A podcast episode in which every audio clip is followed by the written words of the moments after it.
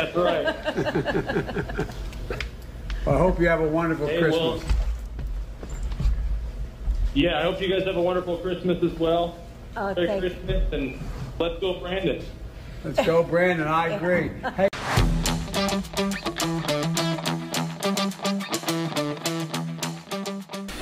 Ja, kära vänner.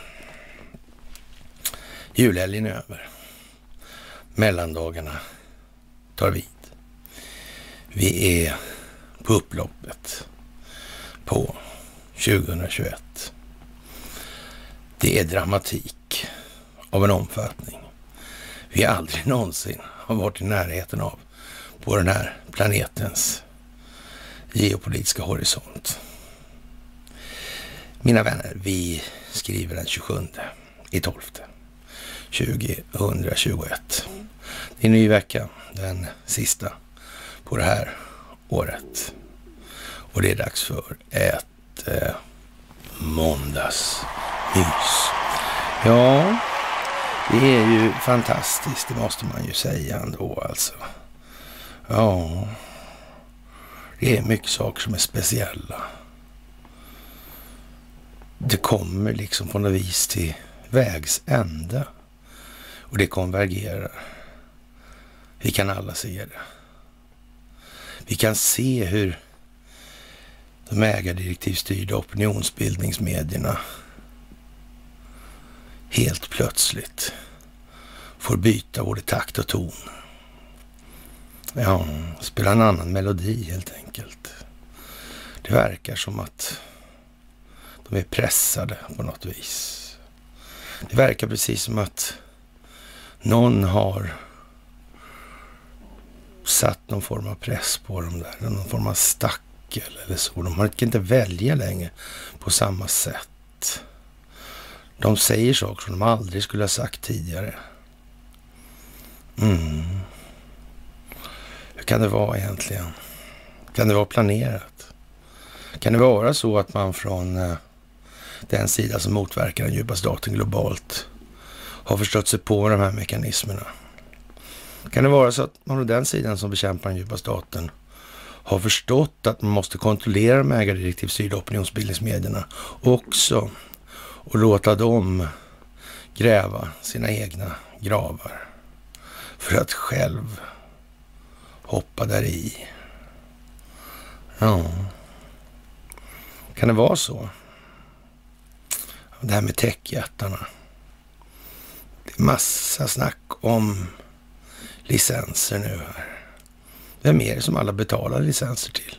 Så gnäller man på techjättarna att de utnyttjar sin monopolställning. Vad den som gör som sitter ovanför i den näringskedjan gör det talar man fortfarande lite tyst om. Men det kommer nog. Det kommer nog. Många känner sig kallade, men få tycks vara utvalda. Diskussionens lågor och vågor slår in över oss när det gäller vad ska vi göra sen? Ja, till att börja med kan vi väl klara ut ungefär vad som utgör problemet. Vilka fundamenta i sak spelar någon roll? Är det stor idé att diskutera lösningar om man inte har klart för sig vad som utgör problemet? Om det här systemet är problemet så kanske vi ska göra vad? Fortsätta med systemet? Mm. Om det här rättssystemet är vad det handlar om ur ett internationellt perspektiv, ska vi då förlita oss på att det här rättssystemet är faktiskt rätt okej okay och rätt bra? Och vi har vad vi har, även som Kajsa Warg. Mm. Men här får man nog tänka efter. Partisystemen, är de bra de? Vad är de till för? Mm. I valsystemet, bra vallagarna, är de bra? Fungerar det där? Har vi aldrig haft valfusk? Det verkar vara så att, så att valfusk är på tapeten på många håll. Ja, det verkar som att härska genom söndring ligger i pipen nu. Ordentligt. Det går liksom inte att bortse ifrån längre. Och eh, som vanligt, ni ska ha det största av tack. Tack för bidrag och gåvor på Swish och Patreon. Tack för att ni fördjupar er på karlnorberg.se och tack för att ni följer Telegramtjänsten. Det här går fantastiskt bra. Vi gör det här tillsammans och eh, de här olika varianterna på, om vi ska kalla det för vilseledning eller motsvarande, ja, det gör det är.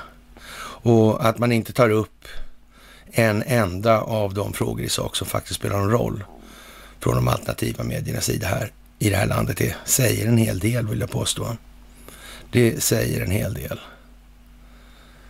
Alltså om samhället bara kan utvecklas som individens utvecklas så är det väl för fan förståelse, medvetet medvetande som ska till hos individen. Vi har pratat om det här med Pareto till leda, tårögd leda för de flesta till och med. Ja.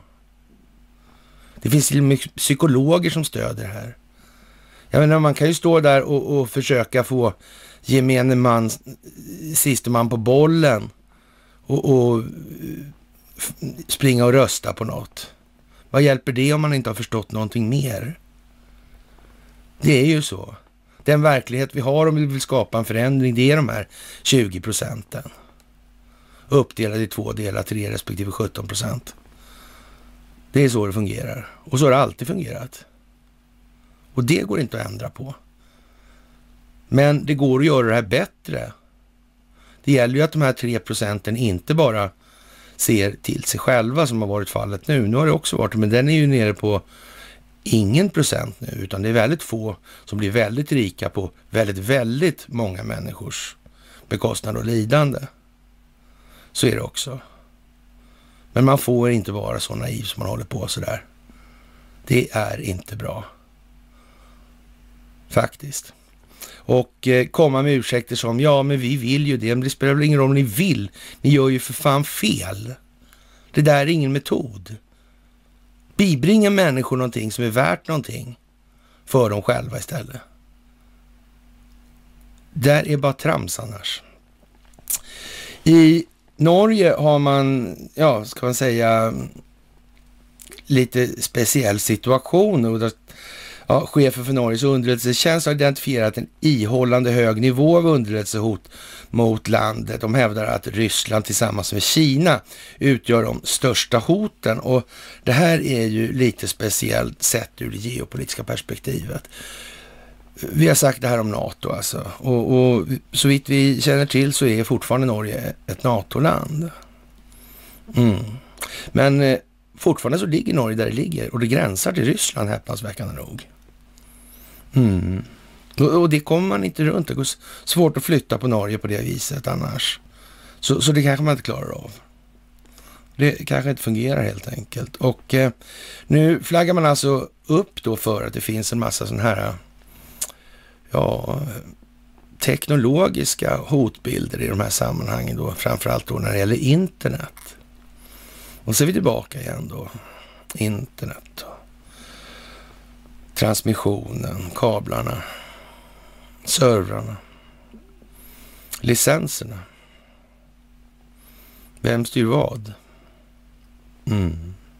Vem har styrt vad under större delen av förra århundradet? Och för all del den här biten in på det här århundradet också. Mm. Ja, det är lite sådär va? Det är lite sådär. Men hur kommer man åt det här då? Man kanske får ta det inifrån, annars går det inte. Kan det vara så? Det är, ja. De norska teknologiska landvinningarna må ju vara som de är, men eh, den här typen av utspel från Norges sida nu, de ja, får nog ses för vad de är.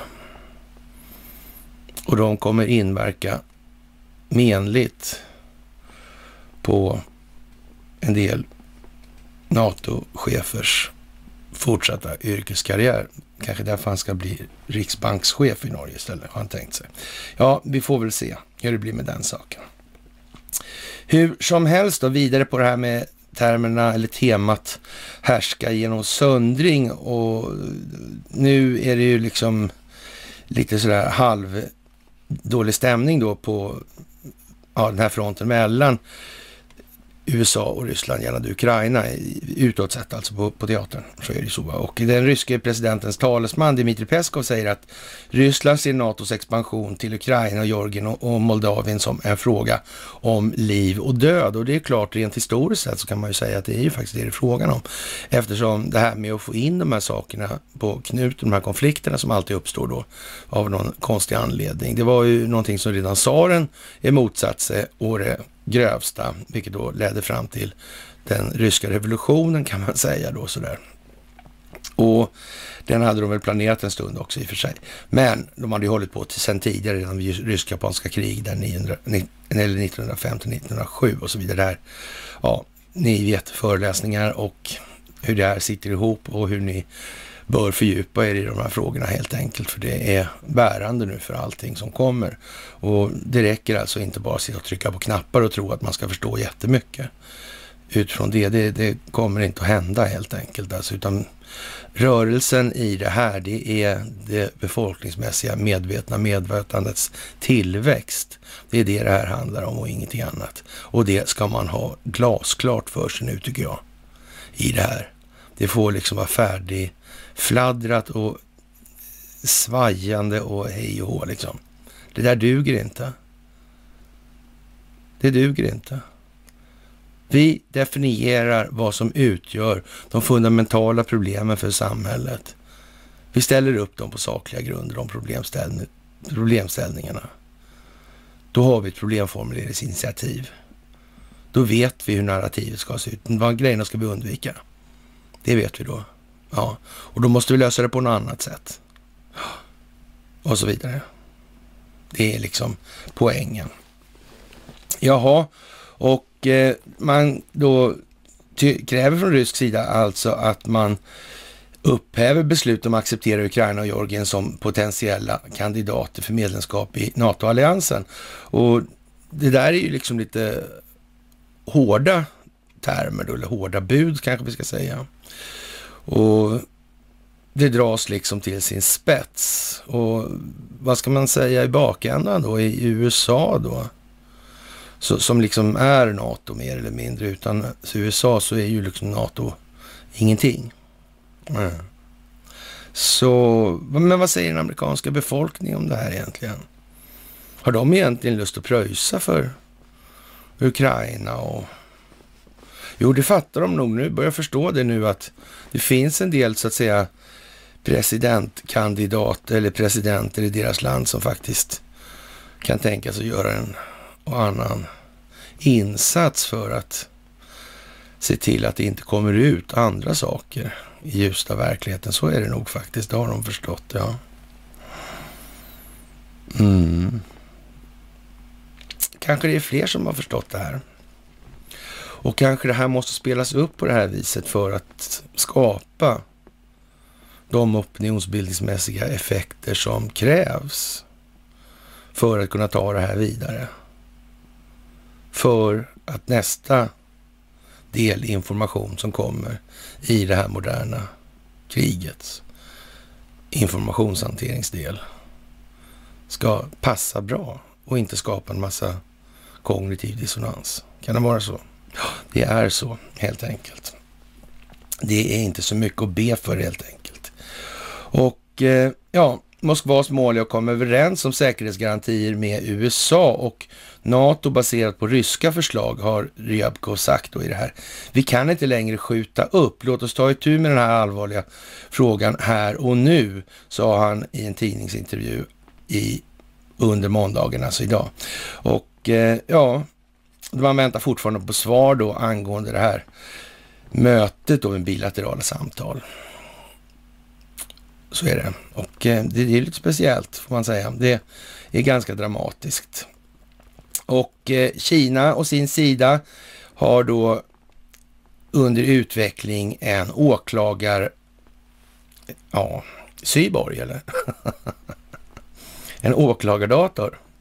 Och eh, man som man då kan använda för i, i rättsfall då som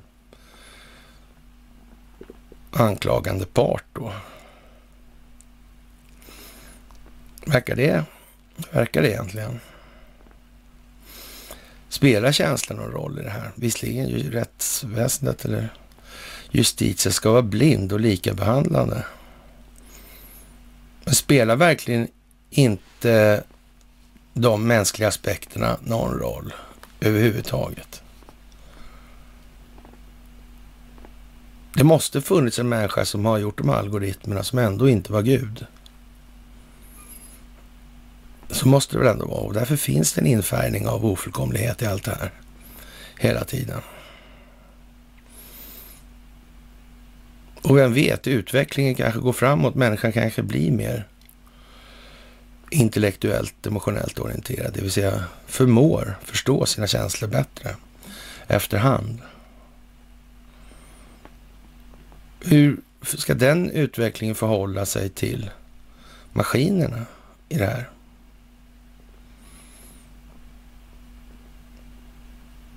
Ska maskinerna lära om då, eller måste alla vara övervakade hela tiden? För att maskinerna ska ha det bästa möjliga beslutsunderlaget. Vad händer om någon individ inte är fullkomlig som Gud och lägger sig i det här systemet? Och påverkar det för att gynna sig själv och sina egna nyttosyften. Vad händer då?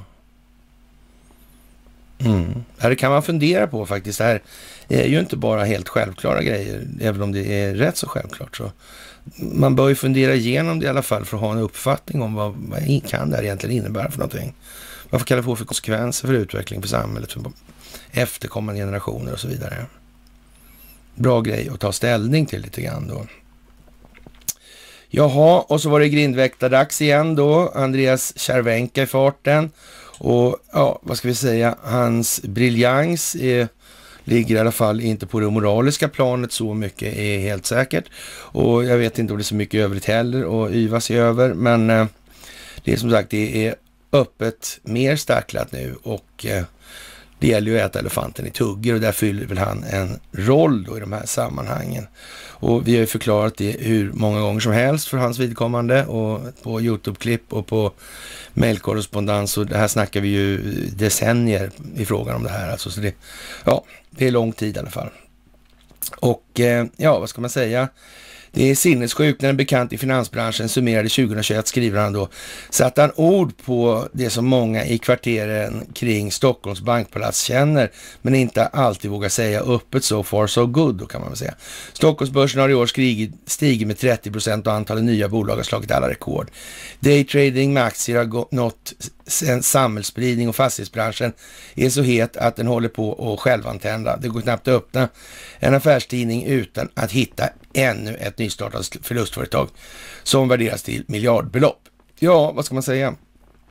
Och det är ju, det här är inte normalt helt enkelt, det konstaterar ju han. Men så hoppar han över det här med skuldmätande och räntekostnadstillväxten och de här grejerna som är själva grunden i problematiken. Alltså det är anledning till att det valutafinansiella systemet är i det skick som det är eller är. Och, och, det här har man naturligtvis vetat om då ända sedan 1931 när BIS infördes, eller man brukar ju från amerikansk sida hävda att det är när Federal Reserve infördes, men det är inte riktigt fallet. Men, men visst, för den enkla eh, optikens skull så är det nödvändigt för de amerikanerna att hålla sig med det där, precis som det är nödvändigt att inte beröra det här med att, ja, det är liksom skuldmättat systemet och det är haverifärdigt. Det går inte att göra liksom det är för mycket skulder och det är för mycket räntekostnader. Och det kan man bara lösa på ett enda sätt. Och det är inte genom att försöka tillverka mer skulder och mera räntekostnader. Det är ju så. Det vankas skuldavskrivning helt enkelt. Det är bara det som kan lösa det här och ingenting annat. Och sen är det som sagt, är det de där grejerna som är problemet, ja då måste lösningen vara att inte ha de där grejerna i systemet. Det tog vem som helst förstå Utom tydligen de som efterfrågar lösningar. Det verkar lite för svårt för dem att förstå. Ja, och sen kommer vi till det här med äganderätten, vi kommer till det här med immaterialrätten och så vidare. Och så vidare. Och det finns ju inte så många musikanter som tycker liksom att, ja, de vill ju helst ha liksom sina stålar helt enkelt. Men eh, tro mig, det här med materialrätten, det är på väg in i en annan verklighet än vad det har varit gällande tidigare. Så är det. Helt säkert, men det tror jag de flesta av er har märkt faktiskt. Och eh, Jaha, och räntan kommer ju inte att gå upp naturligtvis. Det är ju, ja, det kommer att bli väldigt, väldigt, väldigt speciellt. Det här. Dramatiskt spännande är det. Och eh, ja, vad ska vi säga? Vi har någonstans sett då att eh, det här måste hålla i sig. Vi har sett den här covid-19 komma och nu går den. Och förklaringarna är en det ena än det andra. Och vi är som sagt inte så pigga på den virologiska delen av förklarliga skäl. Och som sagt, det här är en medial historia till uteslutande delar. Utan medierna hade det inte ens varit i närheten av vad var möjligt. Det hade inte, nej. Och bara det, hur kan det komma sig? Vad är det man vill visa? Vad har syftet varit? Nu när Washington Examiner säger att Clinton sitter ihop med Russiagate. Mm. Nu är det hårda fakta istället. Och dessutom kommer det på bred front. Det går aldrig att hålla emot vad som nu kommer. Det finns inte en möjlighet helt enkelt. Och som sagt, vi intecknar barnens framtid och skålar i champagne, skriver då Andreas Cervenka. Det är, är ju lite halvtaffligt, eller vad vi ska kalla det för, ur ett upplysningsperspektiv eller ett folkbildningsperspektiv. Det här, det får man ju säga, det för att inte säga att det är värdelöst, men i alla fall då, det måste ju ske i delar. Man kan bara äta elefant tuggvis fortfarande och det, det går liksom inte att vräka på här nu, utan nu, vi måste få ihop de här 20 procenten. Och det är lite bråttom sådär så, ja, man får lag efter läge i den meningen. Det kan inte hålla på att stå så här hur länge som helst heller. Så är det också. Folk blir liksom rotlösa då och det är inte särskilt lyckat. Det måste gå rätt väg och det måste gå genom att de väljer själva, genom att de förändrar sina ställningstaganden i en tillräckligt stor utsträckning och omfattning för att den här förändringen ska anses ha, eller kunna anses ha ägt rum då. Det är bara så. Det är inte svårare. Och eh, vidare då i det här myriaderna av nyheter. Vi har ju sett då det här med, ja, vattenkraften. Är ju fantastiskt här och det visar sig då att en vinstlott då för kommunens ekonomi i Ånge kommun då, ja, innanför Sundsvall då, i västlig riktning då. Det är de här Ångefallen då. Och, och, då har de högre avkastning på de här grejerna. Men vänta nu här, vad? Kommunen, inte det kommunen liksom, inte det kommuninvånarna liksom. Ja. Högre avkastning då. Högre energi. Vem fan är det som betalar de där energipriserna? Egentligen. Men förstår verkligen inte politikerna sådana här saker? De tror de där pengarna kommer någon annanstans ifrån kanske. Ja, det är den elen vi säljer i Tyskland kanske. Och sen får vi importera el för vi har underskott och brist. Mm. Men det är för bolaget ska tjäna de här pengarna. Som ändå får betalas av kommunmedborgarna. Det är ingen som tycker att det luktar lite moment 22. Lite haltande, kanske logik i det där. Kanske det, kanske. Man får väl se vad som blir av den här förståelsen. Men det kommer att bli bra, folk kommer fatta det här. Nu handlar det om plånboken och då är det känsligt. Livet är på spel då. Det viktigaste i livet. Det gäller ju att komma fram till den falska solidaritetens altare någon gång. ja, där lär de inte misslyckas i alla fall. Det är säkert. Trelleborg, det handlar om strategiska produkter till exempel. Eh, ja, industrifordons hjul då. Och det visar sig att eh, ja, information kommer inom kort då. Och man tänker sig då kanske om, om det här är en så stor andel då av de här jordbruksfordonen eller tunga industrifordonen som är beroende av de här däcken och sådana här grejer. Var det inte massa snack om att man ska skydda de här företagen från strategiska uppköp och såna grejer? Mm. Det var väl det va? Men det verkar precis som det finns andra som har tänkt på de sakerna också. För till, eh, ja, vad ska vi säga, om vi ska vara lite verklighetstrogna och beskriva det här så är det väl ändå en rätt liten familj som det här cirkulerar, eller krets, som allt det här cirkulerar kring. Och de har väl inte riktigt gjort så mycket som i allmänhet uppfattas att de har gjort alltså. Nej, det har de inte gjort. De har nog mer tjänat på det själva. Och, och det här med att... Eh, oh, regnar det på Fond så droppar det på Pettersson. Är det verkligen så? Eller tar Fon så mycket den kan kanske? Kanske vinstmaximering som driver i botten. ja, kanske Fond skiter höger fan i om Pettersson faktiskt inte får något alls. Kunde nog kanske inte spela någon mindre roll än så, va? Eller? Så är det nog faktiskt, ja. Jaha, det kan man ju kanske tänka på och det är ett utländskt företag som står i begrepp att förvärva det här då, då Trelleborg och det kan man ju, ja, en asiatisk koncern. Vi har ju haft, eller Sverige då, kan vi ta Sverige igen då. Det är ju när det gäller ansvaret och sådär, där, då är det Sverige som kan ta det. För de dåliga saker som, som svenska bolag har gjort, och det är Sveriges problem. Men vinsterna tar företagen. Mm. Är det rätt det? Är det rimligt? Är det någonting som är tokigt med det? Det får man ju faktiskt tänka efter på och bedöma om man tycker det. Jaha, och eh, det här med i Somalia då, det är ju lite som det är, ja, den här svenska premiärministern då som vi har där och eh, ja, det där är ju lite udda helt enkelt. Han fråntas, den svenska premiärministern i Somalia fråntas inflytande, skriver Omni. Och, ja, jag vet inte. Det är klart att, vad kan det bero på tro? Det är väl inte så att det är, har utövats något inflytande från något annat håll. Och det har bara varit för Somalias bästa hela tiden, alltid. Och, och, och, det är ju för övrigt den enda sån här ministern då i andra länder som faktiskt har svenska medborgarskap, såna här grejer. Eller hur? det är ju det, det har aldrig hänt förut. Är det någon som ens vågar påstå att han känner till alla? Nej, knappast. Och varför inte då, då, man tror? Ja, av en ganska given anledning skulle man väl kunna säga.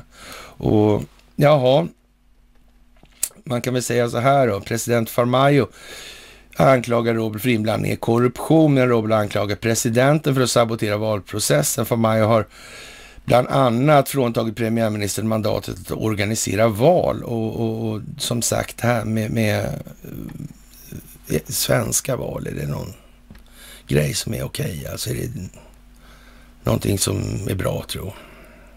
Eller kan det vara så att det är de mest riggade? Vad sa Margot förresten om folkomröstningar? Vad sa hon till, till engelsmännen angående Brexit? Man ska inte ha sådana där val om man inte har förberett sig ordentligt. Ja, jag tror inte ens att Margot ville säga det. Nej, det tror jag inte. Jag vågar påstå att vi var rätt många som såg direkt, vad helvete. Så pass alltså. Ja, ja. Att det var det hade vi fattat för länge sedan, men att det var så pass. Ja, det var mycket. Helt säkert. Men som sagt, vi förlåter er aldrig, sa Margot också. Mm. Perfekt helt enkelt. Det sa många saker. Och vi har då den här Nobeldonnan i ja, Myanmar då och hon störtades i samband med militären tog makten genom en kupp den 1 februari. Militären har utan belägg anklagat Suu Kyi och hennes parti för valfusk 2020, skriver man då i Omni. Och eh, som sagt, det blir några kulor till i granen här nu. Och eh, det är ju som sagt inte dags att slänga ut granen riktigt än, utan nu ska vi valsa runt här några dygn med runt granen här och det blir ju lite repetitivt liksom då och det kommer naturligtvis att komma tillbaka gång efter annan nu, vad det här är för någonting och varför. För det ska klarläggas. Det ska bli en optik, det ska bli en bild. Det ska bli en bild som kan relateras till andra förhållanden i helhetsbilden i det här. Och det gäller att man kan se då över sekvenserna ur varje perspektiv och sen de parallella perspektivens roll gentemot varandra när man korstabulerar och så vidare. Det är inte så svårt. Det är rätt bra. Och ni är för jävla bäst alltså. jävla bra. Och jag är så jävla glad för det här med ingresserna ni får till alltså. På delningarna. Det är perfekt. Helt perfekt. När ni anstränger sådär. Det blir så jävla bra. Det är helt perfekt. Ni leder ordentligt då. Fantastiskt bra. Fantastiskt bra helt enkelt. Jaha, och globalt närmar vi oss en ny våg då av covid-10 eller elände då, då, i de där sammanhangen. Och frågan är, gör vi det? Eller närmar vi oss någonting annat? Närmar vi oss kanske att det här klingar av? Nu är det bara några dagar kvar så kommer det amerikanska militärvaccinet. Och det kommer ingen kunna gnabbas emot. Det går liksom inte att stämma den typen av instans på det viset. Det, de är inte imponerade, faktiskt.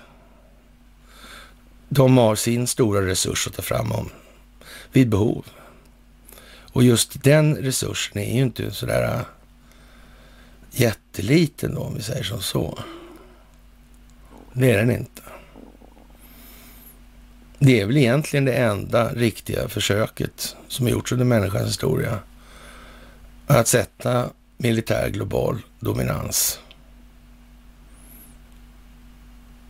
under en ledning på det viset. I alla fall utåt sett, inte i verkligheten. Ja, den vita handen, den verkställande handen och så vidare. Och den som begår handlingarna. Ja, det här med covid-19 är ju liksom lite halvtråkigt och hur det här ska spela ut sig, det kan vi väl spekulera lite i då, men vi får nog faktiskt räkna med att eh, covid-19 kommer, eller ja, det kommer att föra med sig en exponering av en massa saker. Och ja, inte minst då läkemedelsbolagens roll i det här och deras vinstmaximeringssyften i förhållande till vad som är det bra för samhället i stort på lång sikt. Det är helt säkert. Helt säkert. En eh, annan grej det kommer visa på då, det är naturligtvis hur olika människor har korrumperat strukturer och organisationer i det här. Det handlar om att exponera den djupa staten. Det är vad det här handlar om. Det handlar alltså... Det är väldigt fantasifullt med, med det. När man, om man nu var så fantasifull då, vi säger det att man har gjort sådär, men då kan man ju, hur utesluter man då att inte de som bekämpar den djupa staten har, så att säga, öronmärkt hela tiden doseringar för korrumperade fotbollsspelare? Ja, som håller på med läggmatcher och de här grejerna och deltar i spelet. Politiker, filmstjärnor och så vidare. För det är ju liksom en överrepresentation i det CCS-ratat säga stratat eller det segmentet också. Hur vet man, hur utesluter man det då? Om man nu är så säker på att det här är dödsmördargiftigt.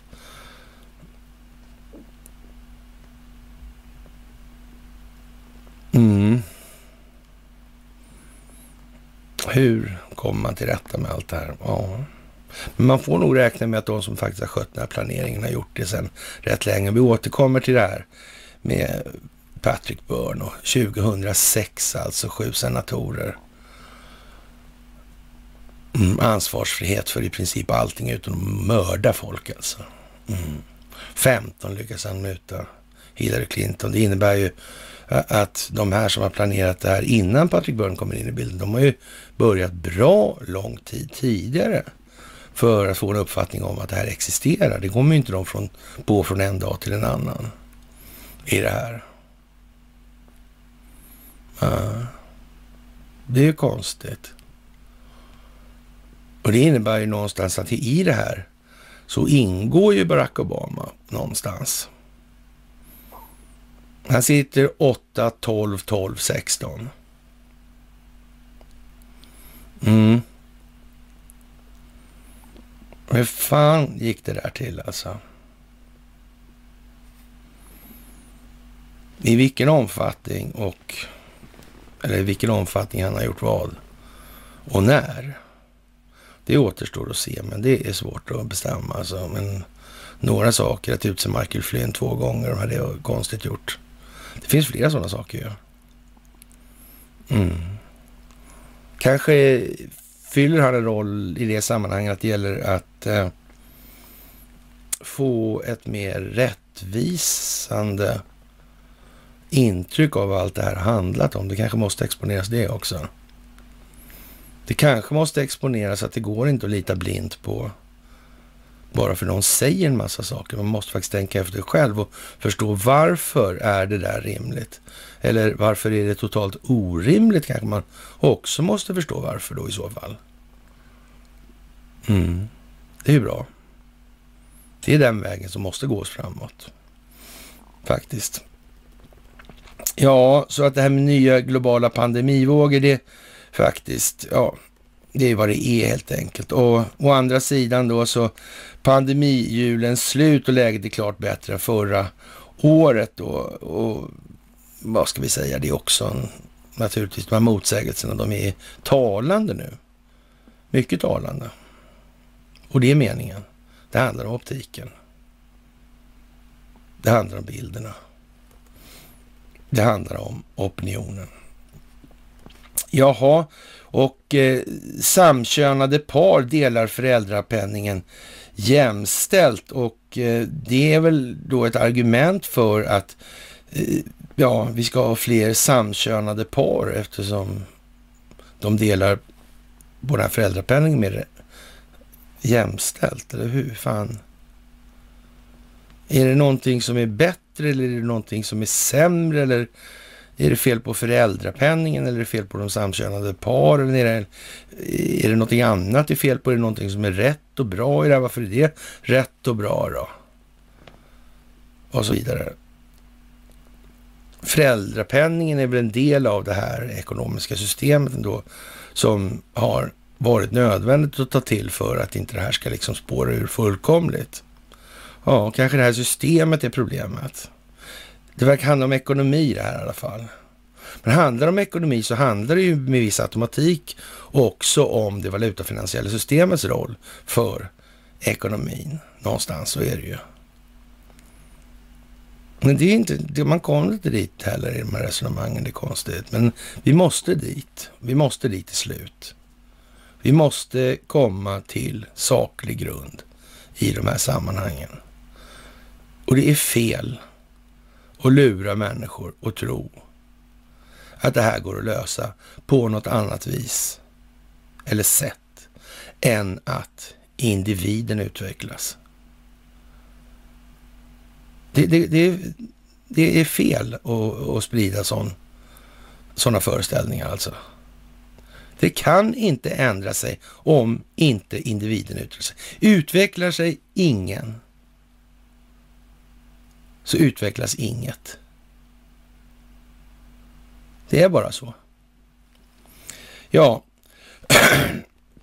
och det kan ju kännas lite märkligt så här i mellandagstider att man ska behöva förklara det. Men å andra sidan är ju det här en utmärkt tid för eftertanke och då kan det vara bra att, så att säga, ägna sig den typen av ja, gymnastiska övningar i hjärnans plasticitet skulle man kunna säga lite lustigt då. då.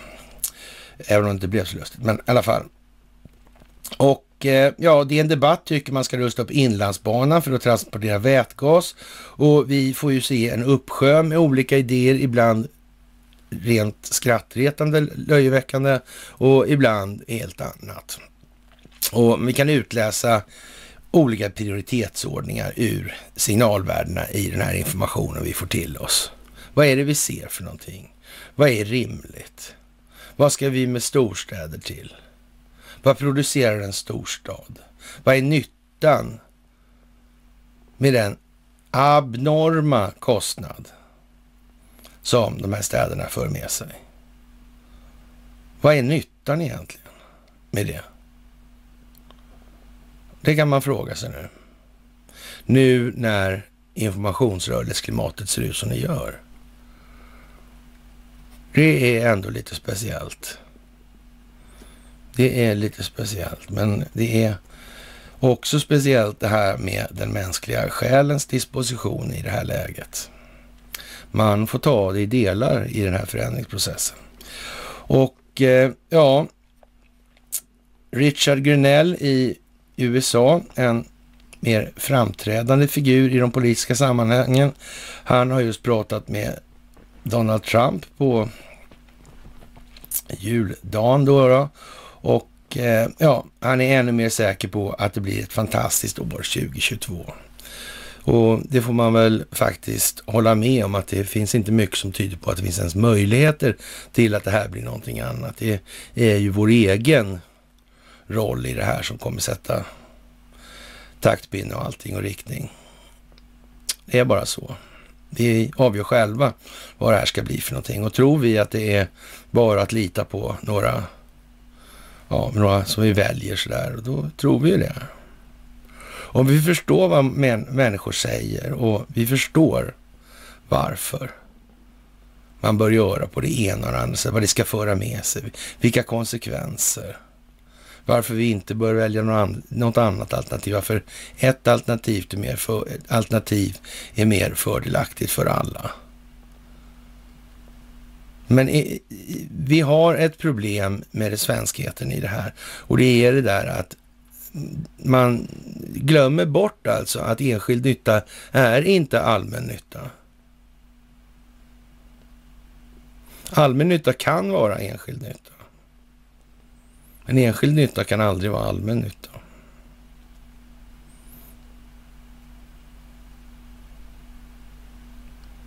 Man får tänka efter här nu vad det här är för någonting egentligen.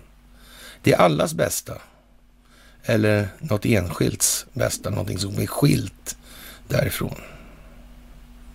I ett. Mm, det får man fundera lite på. Och Eh, ja, det här med illusioner av frihet kommer att fortsätta så länge det är lönsamt att fortsätta med illusioner. Alltså, eh, vid den punkten när det blir för dyrt med den här illusionen så kommer man att ta ner landskapet och de kommer att dra tillbaka gardinerna och flytta borden och stolarna ur vägen. Och vi kommer få se ja, tegelvägen längst bak i teatern och eh, det är när då Valmyndigheten nu kommer med att det är en varna för ett demokratiskt krisläge inför valet nästa år. Och skriv, det skriver Expressen och Bulletin då, som är två fina publikationer kan man ju säga. Men ändå, det är de tvungna att skriva i alla fall då. Och höstens budgetproposition innebär att möjligheten inte får något, myndigheten inte får något tillskott i sitt eller till sitt förvaltningsanslag.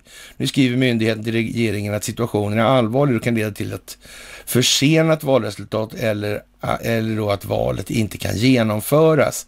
Och vi kan väl säga så här att det, det finns ju en hel del saker som inte är särskilt lyckat med våra vallagar och våra valsystem, så är det ju faktiskt.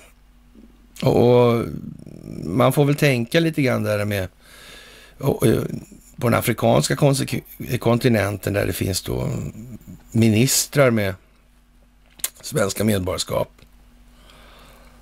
som har fingrarna i sådana här processer. Då, då, blir det liksom ovillkorligt så att det ligger ju i farans riktning att det kanske kan förekomma olika missförhållanden även på så att säga den mest heliga av all moralisk helig mark som finns på planeten, det vill säga den svenska fosterländska jorden. Det är ju så. Det skulle kunna finnas lite korruption institutionaliserat där. Faktiskt. Någon däremot? Nej, jag tänkte väl det. Det är liksom inte mycket att invända mot det. Så är det ju bara, faktiskt. Det finns svenskar som har korrumperat sig. Det är ju så. Jaha, och eh, vad ska vi säga? Norge har förstärkt då, som sagt, i norr sedan Krimannekteringen skriver om ni då. Och man måste bulla upp det här ordentligt. Det måste bli en brytning. Det måste bli härska genom söndring inifrån gällande NATO och så är det på god väg att bli. Och det kommer inte att kunna undvikas i det här. Det är bara så. Och det finns ingen som helst anledning för USA att hålla på med de här fjamserierna eller fjomserierna som man har hållit på med så här länge nu. Det har, en, det har enbart skett på grund av ett skäl. De har inte bestämt själva. Nej. Och här hemma har man kunnat säga, nej det är USA som bestämmer här. Mm. De är supermakten. Med Allen Dahl. Sullivan Cromwell. Alibaba. Och så vidare. Alla de här sakerna som kretsar kring samma lilla kärna hela tiden. Är det inte fantastiskt? Så säg. Ja, eller så är det inte så jävla fantastiskt, mest tråkigt kanske. Storbanker vill samarbeta mot penningtvätt. Jag tänk att de inte har fått göra det tidigare. Reglerna om sekretess gör väl gällande att de får inte lämna uppgifter till varandra. Mm -hmm. Men nu vill de det alltså. Mm -hmm. Det är därför de inte har kunnat arbeta så effektivt mot penningtvätt tidigare. Alltså. Sådär, nästan lite institutionaliserat skulle man kunna säga. Ja, ja. Mm. Ja, ja, det är konstigt. Det är faktiskt. Det är bara polisen som kan lägga det här pusslet idag då. Jaha. Det är ju inte det lite lattjo? Det, det är nästan som att liksom... Det ser ut som det finns en underliggande tanke bakom det här som just håller på att avslutas. Faktiskt. Jaha. Vi är vinklippta, säger man då från SEBs sida då. Ja, och Eh, Martin Johansson där. Och ja, vad ska man säga? Banken har ett förslag till regeringen att penningtvätts, regeringens penningtvättsutredning. Och man har begärt att få dela information i vissa lägen. Alltså det är regeringen som har, har någon, satt någon regel eller har någon regel för det där. Alltså. Ja, det är ju regeringen som bestämmer över bankerna, som ni alla förstår, eller vi alla förstår. Mm, mm tänka på faktiskt sådär. Ja. Jaha, det är väl, men det är väl glatt i alla fall att de... Eh, jag tycker sådär, alltså. Jag tycker det är trevligt alltså. Det är som det är och det kommer naturligtvis att visa sig ordentligt. Åsa-Nisse på spaning och det är någonting i himlen och så att säga han spår goda tider. Men de kommer aldrig att bli riktigt bra. Och, och sanningen är väl den att eh, verkligheten kan aldrig vara riktigt bra för Åsa-Nisse, för den kommer aldrig vara den som han beskriver. Han måste ju alltid ljuga. Han är så att säga i förtroendebranschen. Han är en ja, estradör, en schaman, en charlatan till och med. Det är vad han är. Och, och lustigt nog så ser han ut som inkarnationen på en penning, eller så att säga en pilsnerfilms gubbe liksom. Ja, kan det bli bättre liksom? Han är en och en halv meter lång också dessutom. Det, ja, vad ska vi säga? Som sagt, han vet vad det här med räntekostnaden är. Han vet vad skuldmättnad är. Han vet att det här systemet bygger på förtroende. Det bygger inte på den mekaniskt inneboende funktionen i det valutafinansiella systemet. Det är tvärtom. Faktiskt. Det bygger bara på förtroende. Hade folk förstått hur det här fungerar, då hade det varit dött och begravet dagen efter det infördes. Det finns inte en chans att människor skulle gå med på de här jävla fasonerna och oskicket. Det går ju inte. Inte ens nära, som man vackert kan säga om det. Jaha, och eh, informationen som polisen har kommit över från kommunikationstjänsten Sky kommer att ta flera år att utreda. Det säger Karl-Erik Esbo, vice chefsåklagare på Riksenheten mot internationell och organiserad brottslighet till Ekot. Vi drar oss till minnes på det här med den här åklagarmyndigheten. Var det inte något som pågick där? Och var inte den här människan eh, som fick sluta där va? och, och det, som var överens om det och eh, vi, vi antydde att det möjligtvis kan vara någon form av ledarfråga då, eller ledaregenskapsfråga eller något sånt där va. Lite så och, och det var väl just bara med beröring till det här skulle man kunna säga. Ja.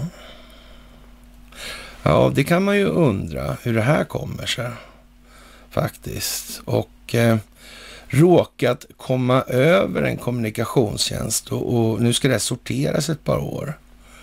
Det innebär alltså att det är ett omfattande arbete och det i sin tur kunde man nästan tänka sig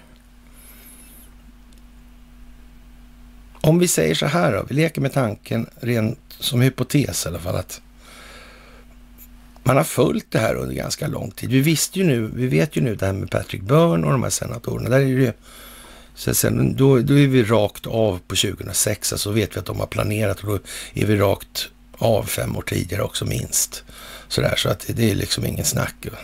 Och de har ju säkert vetat om det här med de här sju länderna som ska invaderas och så vidare och så vidare. Allt det här. Så de är, de är nog säkert bak i början på 90-talet redan där. Ja, men i alla fall, nu vet vi. Vi är säkra på 2006 kan vi säga i alla fall, för de papperna är ute nu. Och ja, men då, då måste man ju också tänka sig, men då har de nog upptäckt faktiskt också att den här, den här, den här djupa staten är liksom en global företeelse. Så hur fan hanterar man det här? Va? Och man missar knappast det här med FRA-lagen, alltså, men man kunde inte göra någonting då. Eller det var ingen bra idé att göra någonting då. Man måste få ur rötan på djupet. Mm. Så också. Och man måste låta kärnan i det här spela in sig ordentligt. Det innebär att Assange-grejen är ju någonting som har skett medvetet i en och annan för precis som Edward Snowden har skett medvetet, så att säga, orkestrerat eller regisserat, instigerat. Helt säkert. Och det här ska spelas ut i en given riktning nu. En given ordning. Givna följder med avsedda effekter. Så är det också. Och då kan man väl säga så här, vadå, kolla, om det tar flera år här nu, vänta, då, och hur var det häromdagen då?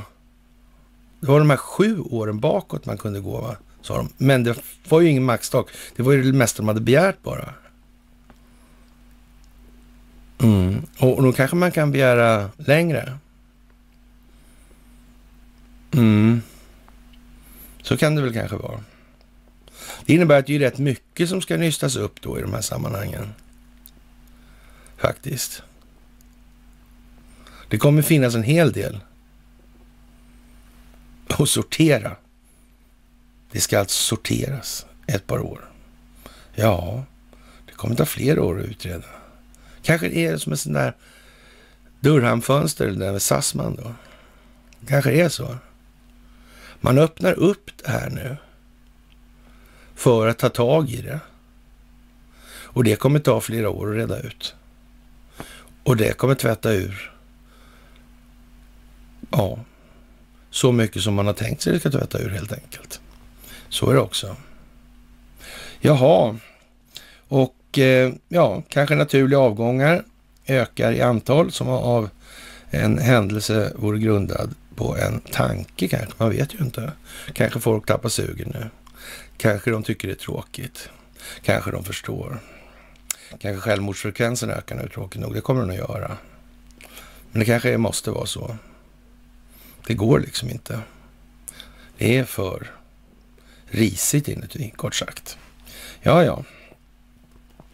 Men eh, det är någonting som kommer längs vår väg. Tro inget annat alltså. Och och eh, ja, vad ska vi säga? Han tycker att det här är jättetoppen. Ingves som sagt var och ja, man tenderar ju att alltid tycka att något är extra osäkert just nu, säger han till ja, nyhetsbyrån och jag vet inte om... Det här är ju liksom lite av samma sak alltihopa. Det, det är Stockholmsbyråkratin och det är den korruption det innebär och för med sig och det är, handlar om ekonomi i princip hela tiden och det är lika mycket korruption redan ifrån systemets första krona som betalningsmedel skapas som en räntebelastad skuld. Redan där, sen är det igång. Och sen går allt åt ett håll. Och så försöker man fördröja det med att folk ska upptäcka det här med olika sminkade grisar som kallas politik. Och så har de då olika färg på sminket helt enkelt. Och ibland är det en röd gris och ibland är det en blå gris. Helt enkelt. Ja, och sen är de där infiltrerade i varandra och hela gängen är kontrollerade. Högergrisar och vänstergrisar. Alltihop är jävla svin. Rakt av. Med avseende på befolkningens långsiktiga välmåga. Så är det bara. Det är ingen som missar vad en politiker får betalt i dagens läge. Deras vilja att ställa sig upp på befolkningens sida. Karl Petter, fackpampen. Fan klockrent alltså. Kan ju inte bli bättre. Jaha, eh, vi öppnar veckan i Kanada då också. Vi, ja, de gör nämligen eh, som här i Sverige alltså, att vi spårar människors rörelsemönster med covidiotin här. Det är väldigt fint alltså. Och eh, va, vad ska man säga om det där? Det, man ska alltså visa att det här försiggår alltså och pågår hela tiden. Precis som från andra hållet då, nämligen de här många åren bakåt som man kan titta. Och nu kommer det här att ta många år att sortera och utreda. Det är inte frågan om lite grann här inte. De har, tänk på att de har allt alltså redan. Och ändå så är det. Det är inte lite grann som ska upp nu. Och, och det är klart att många ser ju helvetet på jorden komma eh, rullande med hög hastighet som en stor eh, tsunami då. Va? Och det är ju liksom eh, rätt så tråkigt helt enkelt. Och eh, det här med spårningsinitiativet i de här, man ska spåra människor och så vidare. Och, och det, det, är för vår säkerhets skull. men kom igen nu här. Ingen kan ju tro på det här längre. Att enskilda nyttomaximeringsintressen skulle sitta och göra det där för medborgarnas skull. Men eh, vem kan tro på det? Det går ju inte att tro på ens. Det är omöjligt. Ja, men det där är ju någonting som faktiskt de flesta förstår vid det här laget. Eller allt fler i alla fall ska jag säga att det är som, ja. Och eh, ja, som sagt, det har ju alltid varit nödvändigt att ha två parter i en konflikt. Det går ju inte annars liksom. Och Sovjetunionen tjänade ut sin roll. Och man gjorde ett försök att så att säga ta kontroll över de strategiska naturresurserna helt enkelt. Och det kladdade in en massa oligarker där och det här tog ju lång tid att städa upp och inte förrän då, ja, 2010-2012, där hade Ryssland kraft nog genom Vladimir Putin att föra en självständig utrikespolitik värd namnet i de här sammanhangen. Och eh, ja, det är lång tid. Vi har följt med i hela under den här tiden som har varit och eh, vi ser hur det har utvecklats och vi förstår varför. Vi förstår därför också den svenska rollen i de här sammanhangen och de går ju i varann hela tiden de här. Så, och den opinionsbildningsinsats som de ägardirektivstyrda opinionsbildningsmedierna har sysselsatt sig med för att legitimera det här beteendet. Det är ingen slump, till exempel, att Bill Browder anmäler Swedbank. Det är det inte, precis som jag sagt. Magnitsky-akt. Ingen slump. Men det har hela tiden funnits intressen bakom, i det dolda, i det tysta, som har sett det komma och som har vidtagit mått och steg hela tiden i de här sammanhangen. Nu är det inte så jävla roligt med Magnitsky-akt när spelet har vänt. Nu kommer de här plundrande ryska oligarkerna kunna hålla sig för skratt. Big time. Vem vet vad Boris Johnsons egentliga syfte var? Han hade släkt i Turkiet. Från tiden för det Ottomanska rikets fall. Han pratar många språk. Han vet hur man spelar för att vinna. Men man kan ju vinna genom att förlora. Titta bara på en fotbollsspelare. Hur många mutade fotbollsspelare finns det på planeten? Det verkar inte någon veta ens. Det enda man verkar veta nu för tiden är att de får hjärtinfarkt allihopa. I stora mängder. Och man vet att en engelsk professor i den här typen av hantering pekar ut Stockholmsbyråkratin i de här sammanhangen.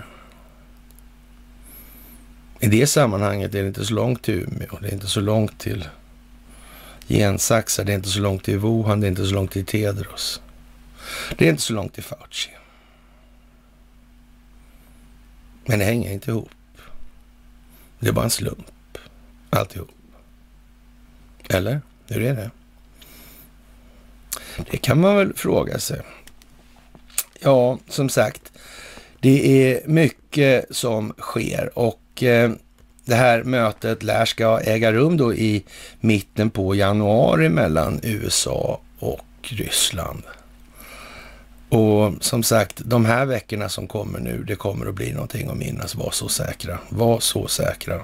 Och det, vi ser det på antalet artiklar vi har att dela nu, eller som går igenom. Det är ju ordentligt alltså.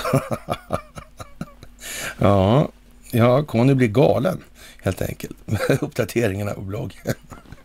ja, ja, ja, ja, ja. Ja, föräld Föråldrade regler från 1928 gör att arv som rimligen borde tillfalla närstående istället går till Allmänna arvsfonden, skriver en advokat, Tor Ulf Arvidsson. Och eh, ja, eh, kan ju möjligtvis vara en advokat som åtminstone för, vill ge sken av och försöka göra rätt för sitt skrå moraliskt sett. Men jag är inte så säker på advokater alltså. I, i, de får nog fan visa det alltså.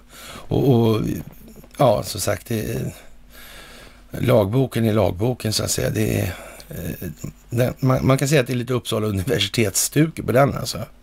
Så är det ju. Och eh, så att säga den moralfilosofiska bildningsnivån bakom lagarna. Då, då tenderar ju lagarna också att bli så att säga, syftande till vad de blir syftande till. Och jag vet inte om det är kanske det bästa för befolkningens psykosociala välmåga på sikt, eller rättare sagt, det kan vi helt kallt konstatera. Det är det ju naturligtvis inte. Så hur fan, vem fan har tänkt till här egentligen? Har de verkligen missat det här? Lycklig enligt lagen, eller? ja, men då är det väl bara att stifta lagar om att alla är lyckliga, så är det väl klart då? Eller? Funkar det inte så? Jag vet inte. Det kan man ju fundera på faktiskt. Det är inte helt säkert att alla är så klara över det där faktiskt. Jaha, marinen då 500 år och ja, ska man säga hurra då eller jag vet inte. Det kanske man kan säga. Och ja, det här är ju en historia. Det hette ju då arméns flotta från början ska man säga också. Och så vidare i det här. Och, och man odlade ekar då på Visingsö i de här sammanhangen. Och det var väl ändå chef för då, det var inte chefen för marinen som fick besked från Visingsö, jag tror att det var en, en chef på marinens skjutskola faktiskt, en överste löjtnant på den tiden, som, ja, man planterade då ekar då på Visingsö och det tog en stund så där så hörde man av sig då från då den här förvaltningen då och ja, man, man eh, planerar på lång, eller på en djup horisont, alltså tidslinjen. Och eh, befolkningen har inte riktigt den strategiska grunden att stå på helt enkelt. Och det kanske är en av de sakerna som är viktiga. Att försöka få klart för folk att det är viktigt att förstå att parallella förlopp så här påverkar varandra och dessutom får de synergieffekter som kanske ger tredje och fjärdehandseffekter också. Det kanske till och med är så här att man planerar de här förloppen ur de här perspektiven för att skapa de här synergieffekterna i, i ett tredje och fjärde led. Det kan ju vara så. Alltså man ska inte, och man måste försöka få just skapa ett vidare perspektiv för att inte bli så rak och så kort och så enkelt. Så. Det är lite tvärtom då mot Uppsala universitetsdevisen.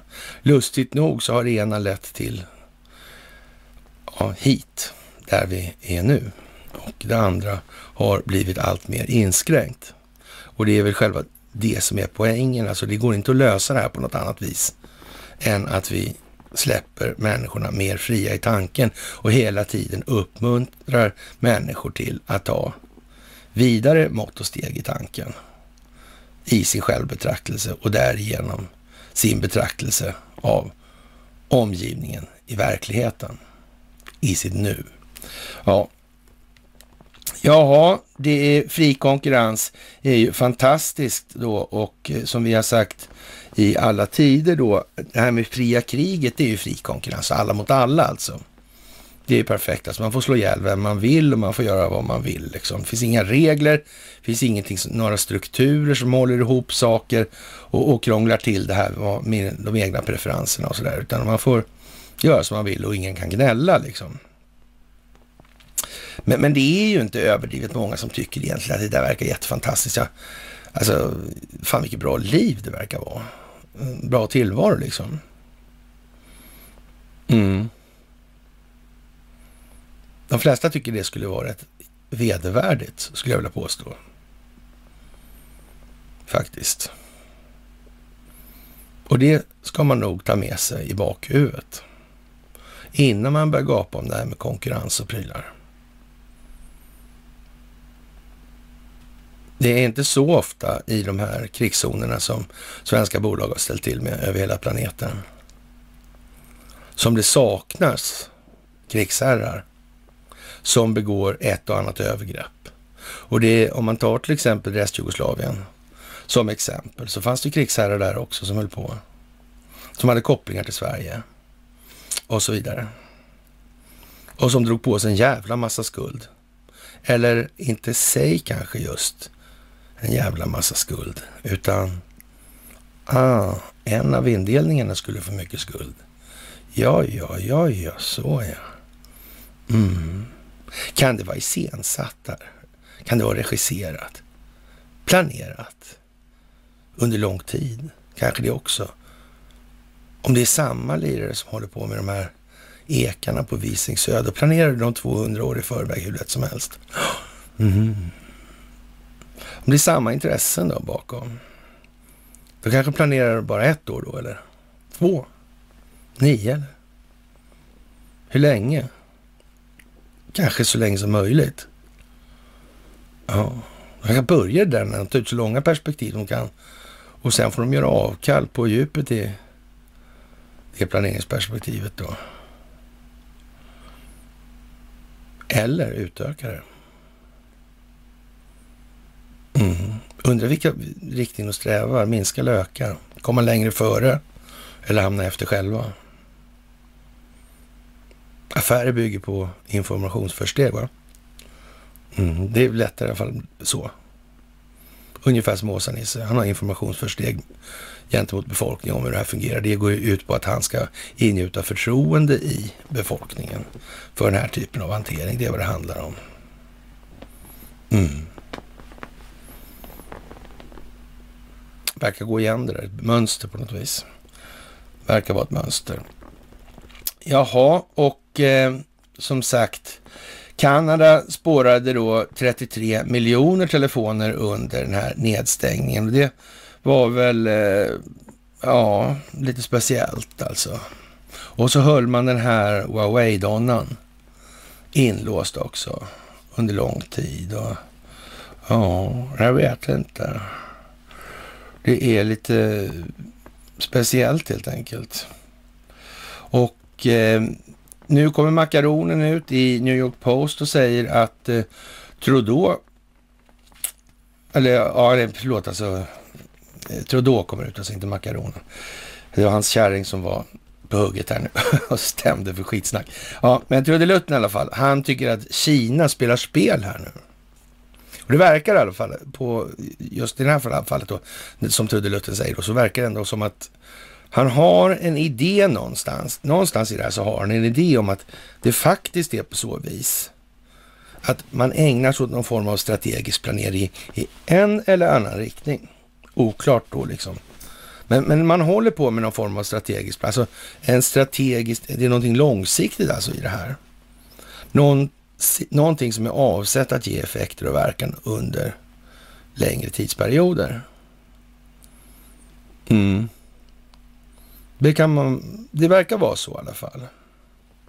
Och det, det, det, kan man ju säga så här att genom sig själv känner man andra, åtminstone.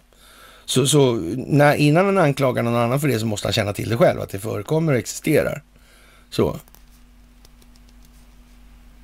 Han måste ha sett något exempel eller upplevt någonting i något sammanhang eller haft någon form av erfarenhet, ett intryck någonstans i det här för att komma fram till den slutsatsen. Så är det.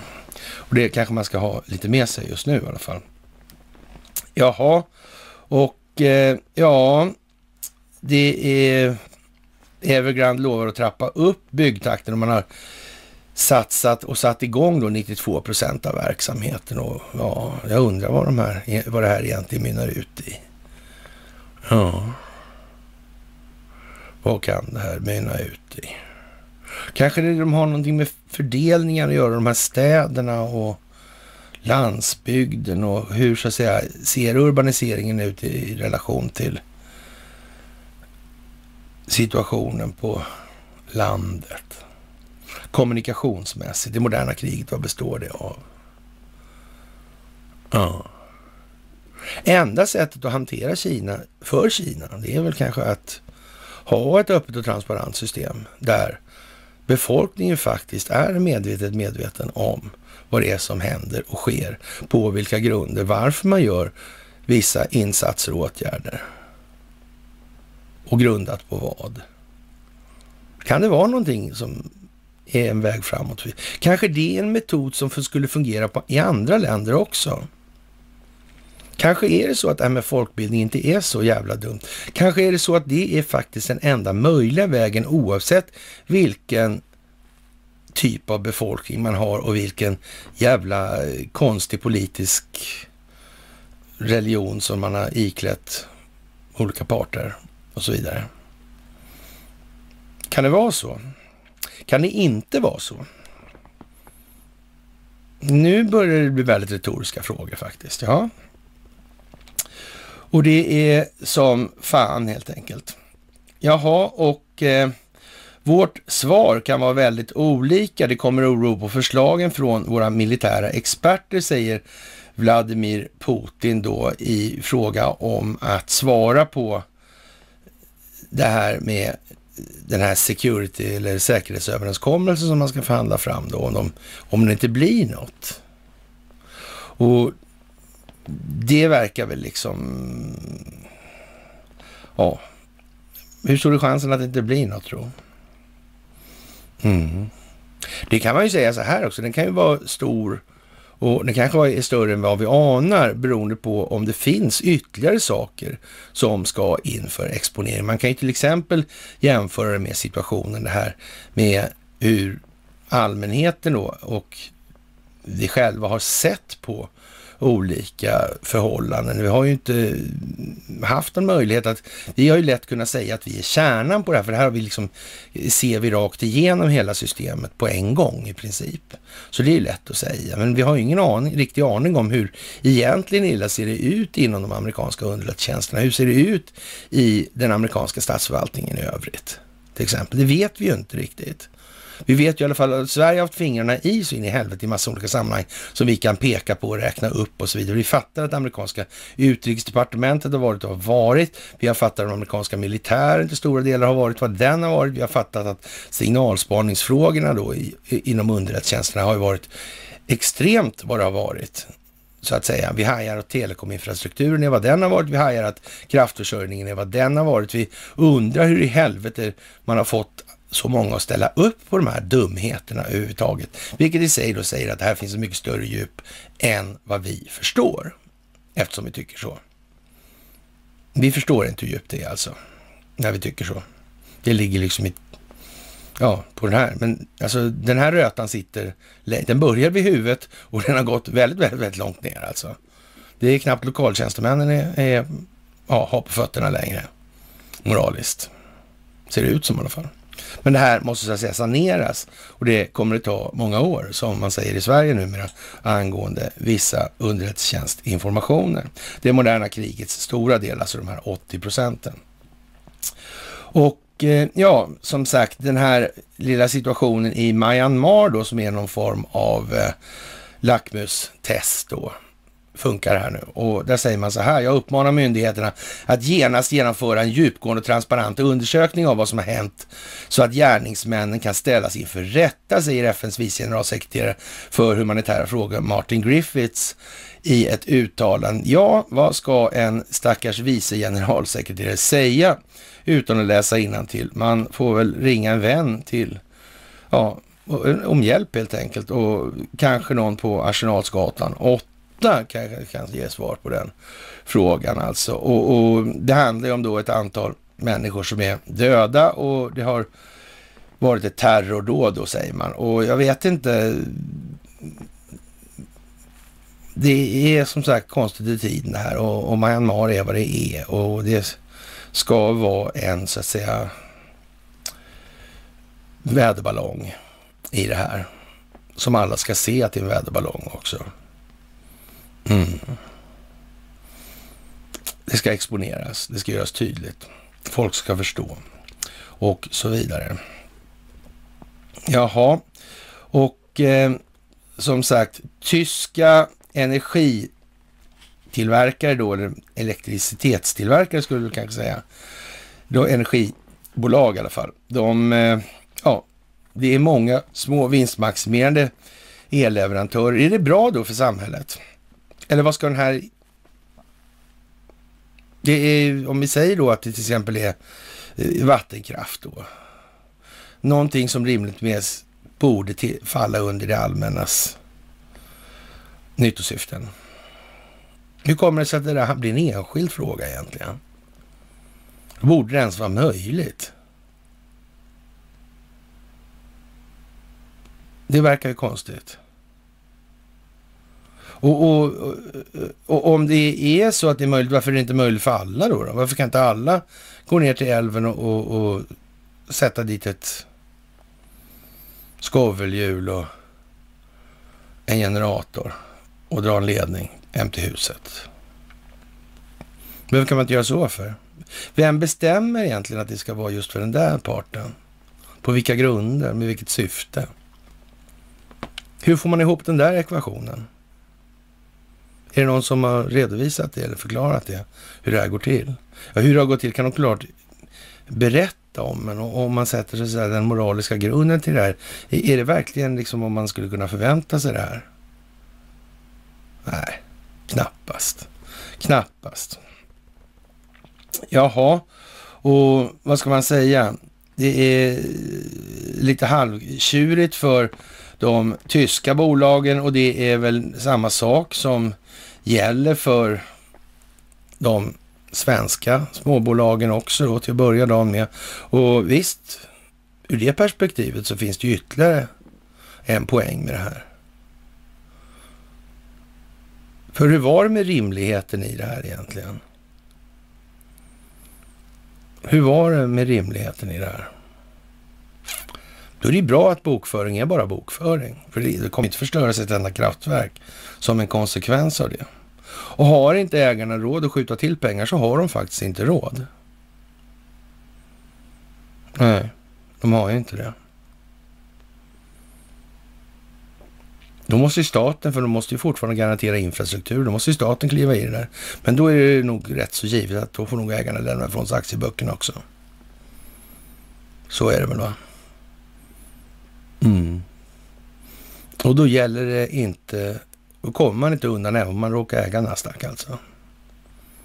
Nej, så är det bara. Mm. Och eh, den globala ekonomin då, skulderna tycks bli eh, ganska så stora faktiskt här. Och ja, det är räntebelastade skulder som är betalningsmedel och eh, det blir inte mindre med skuldproblem för den sakens skull alltså. Det är ett tillväxtkrav i och med räntekomponentens närvaro i det här. Räntan kostar pengar över tid. Det är funktionen som är sådan. Jaha, och det är oerhört svårt för många att begripa tydligen. Och eh, ja, det är ju lite tråkigt att, eh, vad ska man säga, olje och gasupptäckterna är de lägsta på 75 år i 2021 här och det kan man ju säga låter ju väldigt illavarslande. Men, men och då kan vi säga att det är tur att de här moderna kärnkraftverken kommer då som på beställning i samband med det. Men, men de flesta tänker ju då på att det här är någon form av oj, oj, oj, då kommer vi inte att kunna åka bil och sådana grejer. Men nu är det ju faktiskt inte så att bilarna är ju inte på något vis den största konsumenten av energi. Vilket, vilket man kan tro då. Det är ju inte ens någon särskilt stor då utsläppsbov. Liksom så. Det. Mm. Industri och sjöfart till exempel är något helt annat. Och så vidare. Det är jättebra att komma ihåg det nu faktiskt. Ja, men eh, det är ju mycket som händer och mycket har hänt och eh, vad ska vi säga? Det är gamla dokument som kommer fram nu här. Och de här gamla dokumenten visar en massa saker. Det visar att eh, väst har, västvärlden har ljugit, manipulerat, bedragit och så vidare. Allt på altaret för den enskilda nyttomaximeringens skuld, och så den falska solidaritetens altare, även kallat då. Och ja, man har ljugit, ljugit, ljugit och ljugit igen helt enkelt. Och det är ju lite tråkigt kanske att konstatera, men det är så det är och det är kanske är det vi behöver ta hänsyn till. När det gäller här hemma i Sverige så har vi till exempel då arbetslagstiftning, arbetsrätten, arbetsrätten och det här och fackföreningsverksamheten och så vidare. Och ja, det är ju någonstans så här, ska vi verkligen Ska vi vara så internationella? Men vad ska vi värna om svenska medborgares arbetsrätt? För det vill bara skita i. Det vill bara ta hit andra länders medborgare och, och jobba här för så billigt det går då istället. Så det var inte så bra. Nej, varför inte då? då? Ja, men någonstans måste vi ändå bestämma oss va? Det, det, det, är så helt enkelt. Vi måste bestämma oss hur vi vill ha det. Det är bara så. Och vi måste själva ta ansvar för det i det här landet. Som befolkning, som individer.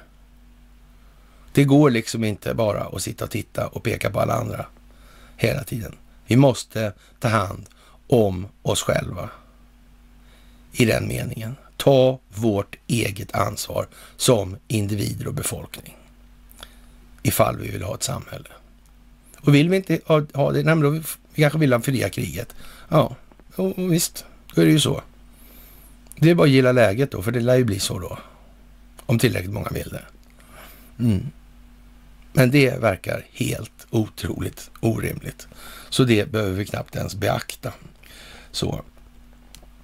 Jaha, det är lite speciellt när råvarumiljardären Eva Lundin har avlidit. Det får man ju faktiskt säga. Och eh, Ja, det är ju en donna som hade en del påbrå i de här sammanhangen och eh, hon har två barn då, Ian Lundin och eh, Lukas Lundin och ja, vad ska vi säga? Ian Lundin är ingen liten bidragsgivare till Hillary Clinton och han själv står alltså åtalad för ja, folkrättsbrott alltså i Sudan och Sydsudan.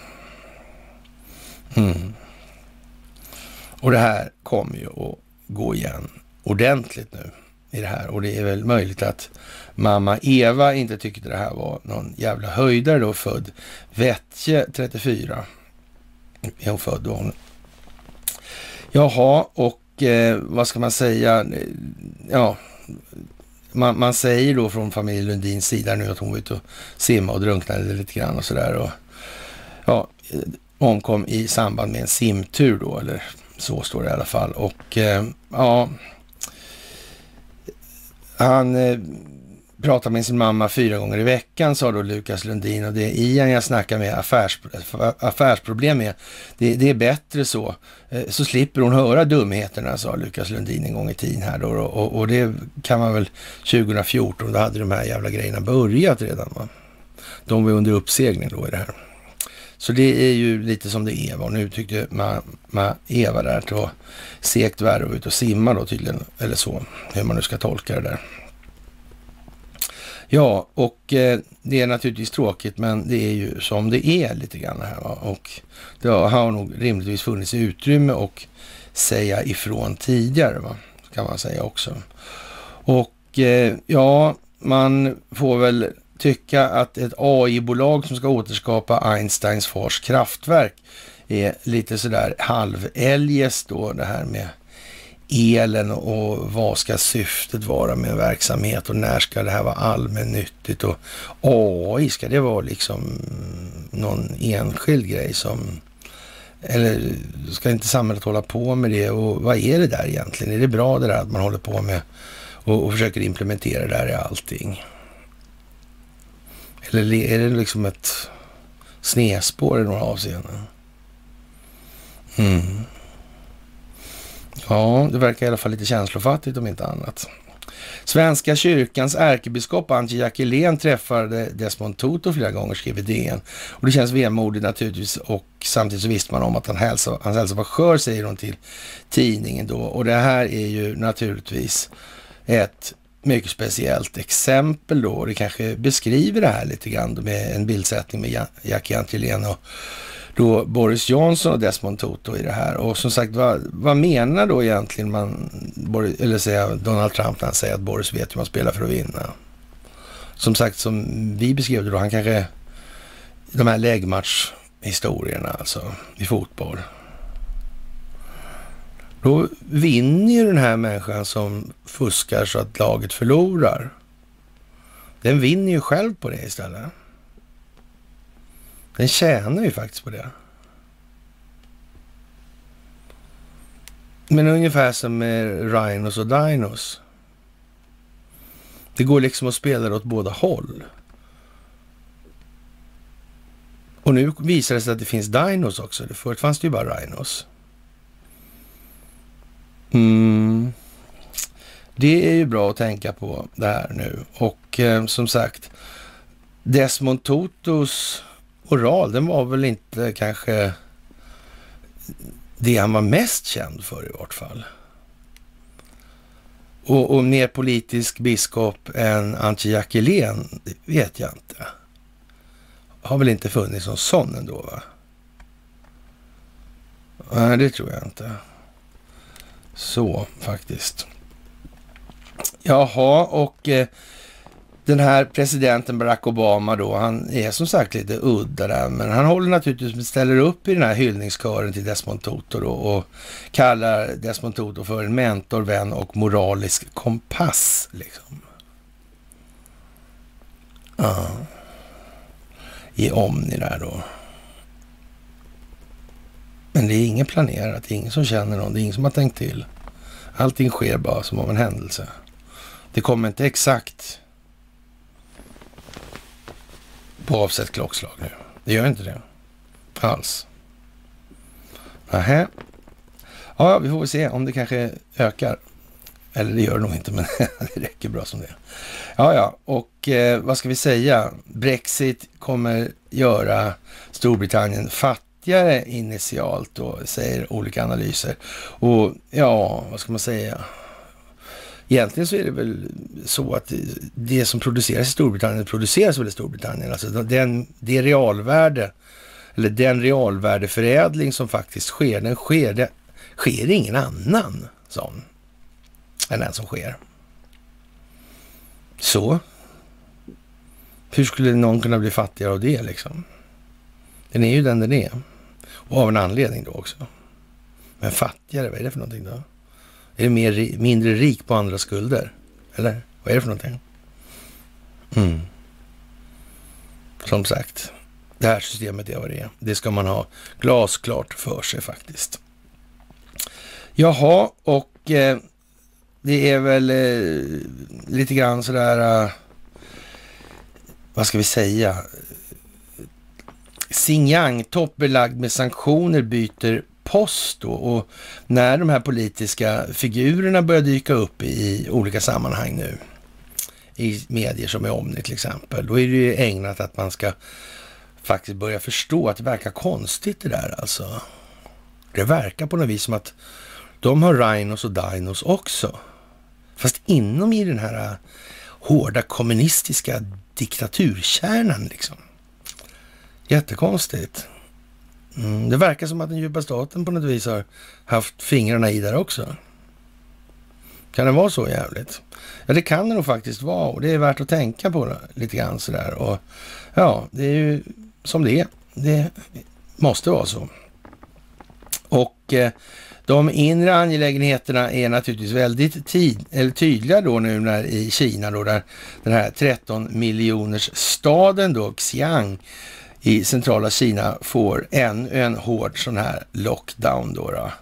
Och de ska desinficeras och det ska vara det ena med det sjunde. Och i det fallet så får vi nog faktiskt säga så här att eh, lustigt nog så finns det ju faktiskt ett, eh, någon form av eh, svenskt företag där va. Det är liksom någon slags mer eller mindre callcenterverksamhet eller vad det nu är. Finns det inte sånt kanske? Typ ett Ericsson-företag där. Ja, jag tror det faktiskt. Men ja, som sagt. Smittan där alltså. Hur många smittade var det? Var det 300 och Ericsson hade 330 eller var det 330 och 300? Vilket det nu var. Close enough. Close enough skulle jag säga. Jaha. Och det är väl bra kanske. Jaha, och det här med maten har vi ju varit inne på och det här med vetet har vi tjatat om i hundra miljoner år höll jag på att säga. Och det här med genmanipulationen av vetet då man gjorde det då från 16 värt till 45 värt och genomet. Och, och det här har ju fört med sig en massa saker. Och det är liksom inte alls bra för människor från de här breddgraderna att äta det där överhuvudtaget. Det är jättedåligt för tarmen, helt enkelt. Och man gav naturligtvis den här fina filuren, eller på säga, men fina figuren då, den fantastiska nobelpristagaren då, Norman Borlaug. Man gav honom ett nobelpris för det här fina vetet då och eh, ja, vad ska man säga, världsklass alltså. Vem var det som Unilever, vem är det som kontrollerar det där? Till exempel. Och så hålls det ju på så där. Det här är ju liksom ingen skillnad. Vi vet det där med läkemedelsindustrin, livsmedelsindustrin, hur de förhåller sig till varandra planeringsmässigt. Vi vet att de söker synergieffekter i det här. Det är inte så jättekonstigt. Det är samma bakomliggande intressen. De har inte missat den detaljen. Det har inte gått ut på att göra någonting bra för befolkningarna och individerna.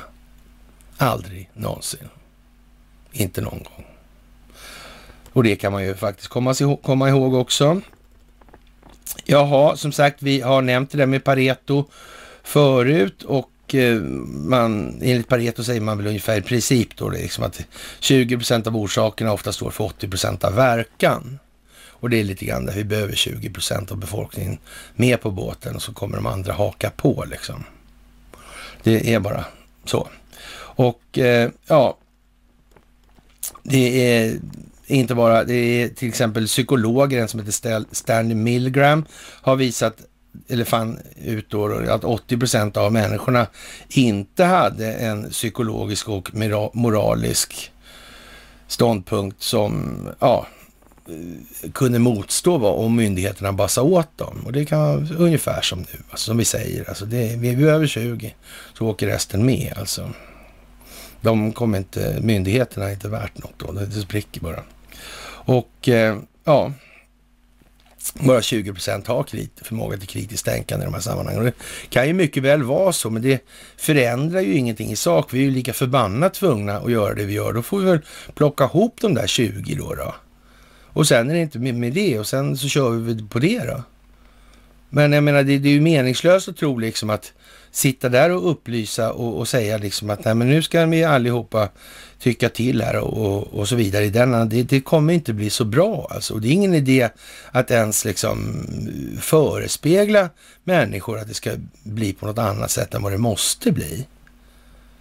Det är bara så. De som inte är intresserade är inte intresserade och, och, och då är de ju inte det. Men är de inte intresserade av dem heller, liksom ingen anledning att eh, försöka göra sig till tolk för någon större politisk vilja än sin egen. Det finns ju inte. Är man inte ens beredd att stå för den så behöver man ju definitivt inte stå för någonting annat heller. Det är inte så konstigt. Kan man tycka i alla fall. Men ibland kan det vara konstigt.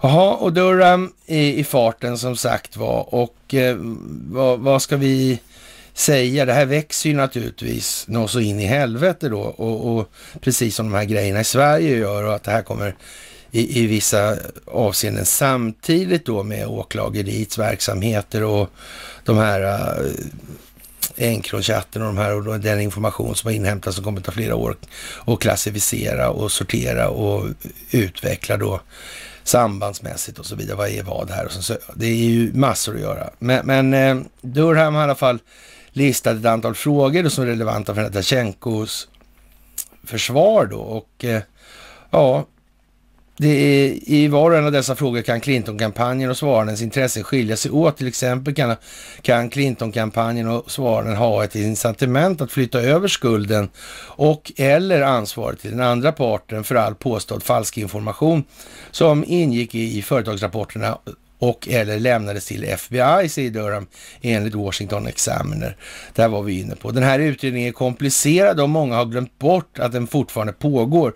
Men med Clinton nu potentiellt bunden till det här och, så kan saker och ting bli mycket mer spända. Familjen Clinton har i allmänhet inte en historia av att vara gnistrande moralisk i sina affärer och det faktum att det till och med viskas om en potentiell koppling till denna utredning, det bådar inte gott. Och, och man skulle väl kunna säga så här här, om inte det här är planerat, då kommer det bli väldigt svårt för människor att förstå när de är utsatta för spel. Det här är bara så jävla uppenbart så det är inte klokt alltså. Och, och vad är Tregaudi till exempel? Vad hände med Benghazi-gate där? Vad hände med de förhören? Han som redan är inläst på att kan han finnas i kretsarna kring det här kanske? Han som höll i förhören med Hillary Clinton och de här övriga. Han som inte gillar Sidney Blumenthal och hans verksamhet nere i Libyen. Vapenhandeln. Vilka vapenhandlare var inblandade i det där? Var det Khashoggi? Eller var det Hariri? Konstigt. Eller inte alls konstigt. Nej, det är inte konstigt. Det är bara vad det är alltså. Och eh, ja, det kommer att bli vad det blir, precis som övriga saker kommer att bli i det här. Jaha. Vi kan väl konstatera att eh, Omikron har målat in sig i ett hörn, säger en dansk professor och den kommer att vara slut här. I, under januari räknar jag med att vi blir mycket klokare på om omikron är mildare, säger han. För han kan väl inte säga mer just nu, för det här måste tas i delar. Det är fortfarande allt för många som inte greppar det här. Och så finns det en skock då som ägnar sig åt att prata om hur vi ska lösa alla de här sakerna som de inte har definierat vad utgör problem då i det här. Och, och, det är bara så alltså. Och, och sen tror någonstans det här att det här kommer fungera utan ett ledarskap, alltså upplysning till vidare ledning och upplysning. Det, det, är ju hål i huvudet helt enkelt. Det handlar om att befolkningen ska vara medveten, medvetet medveten, i en allt mer ökande omfattning. Det är vad det handlar om. Och tro att det fungerar utan en lampjävel, alltså upplysning. Det är hål i huvudet. Riktigt hål i huvudet. Det kommer inte hjälpa ett skit om folk ingenting mer begriper än innan att genomföra förändringen. Vi kommer hamna i ruta ett, eller på ruta ett på nolltid igen. Helt jävla säkert. För det är fortfarande samma mindset som har lett oss hit, som styr då. Det är förändringen som gäller och den måste komma inifrån. Det är inte så jävla svårt att fatta det här nu, faktiskt.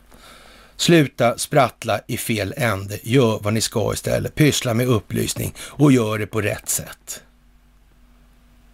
Vänd er till dem som kan skapa ledare i den mån ni inte klarar av att göra det själva.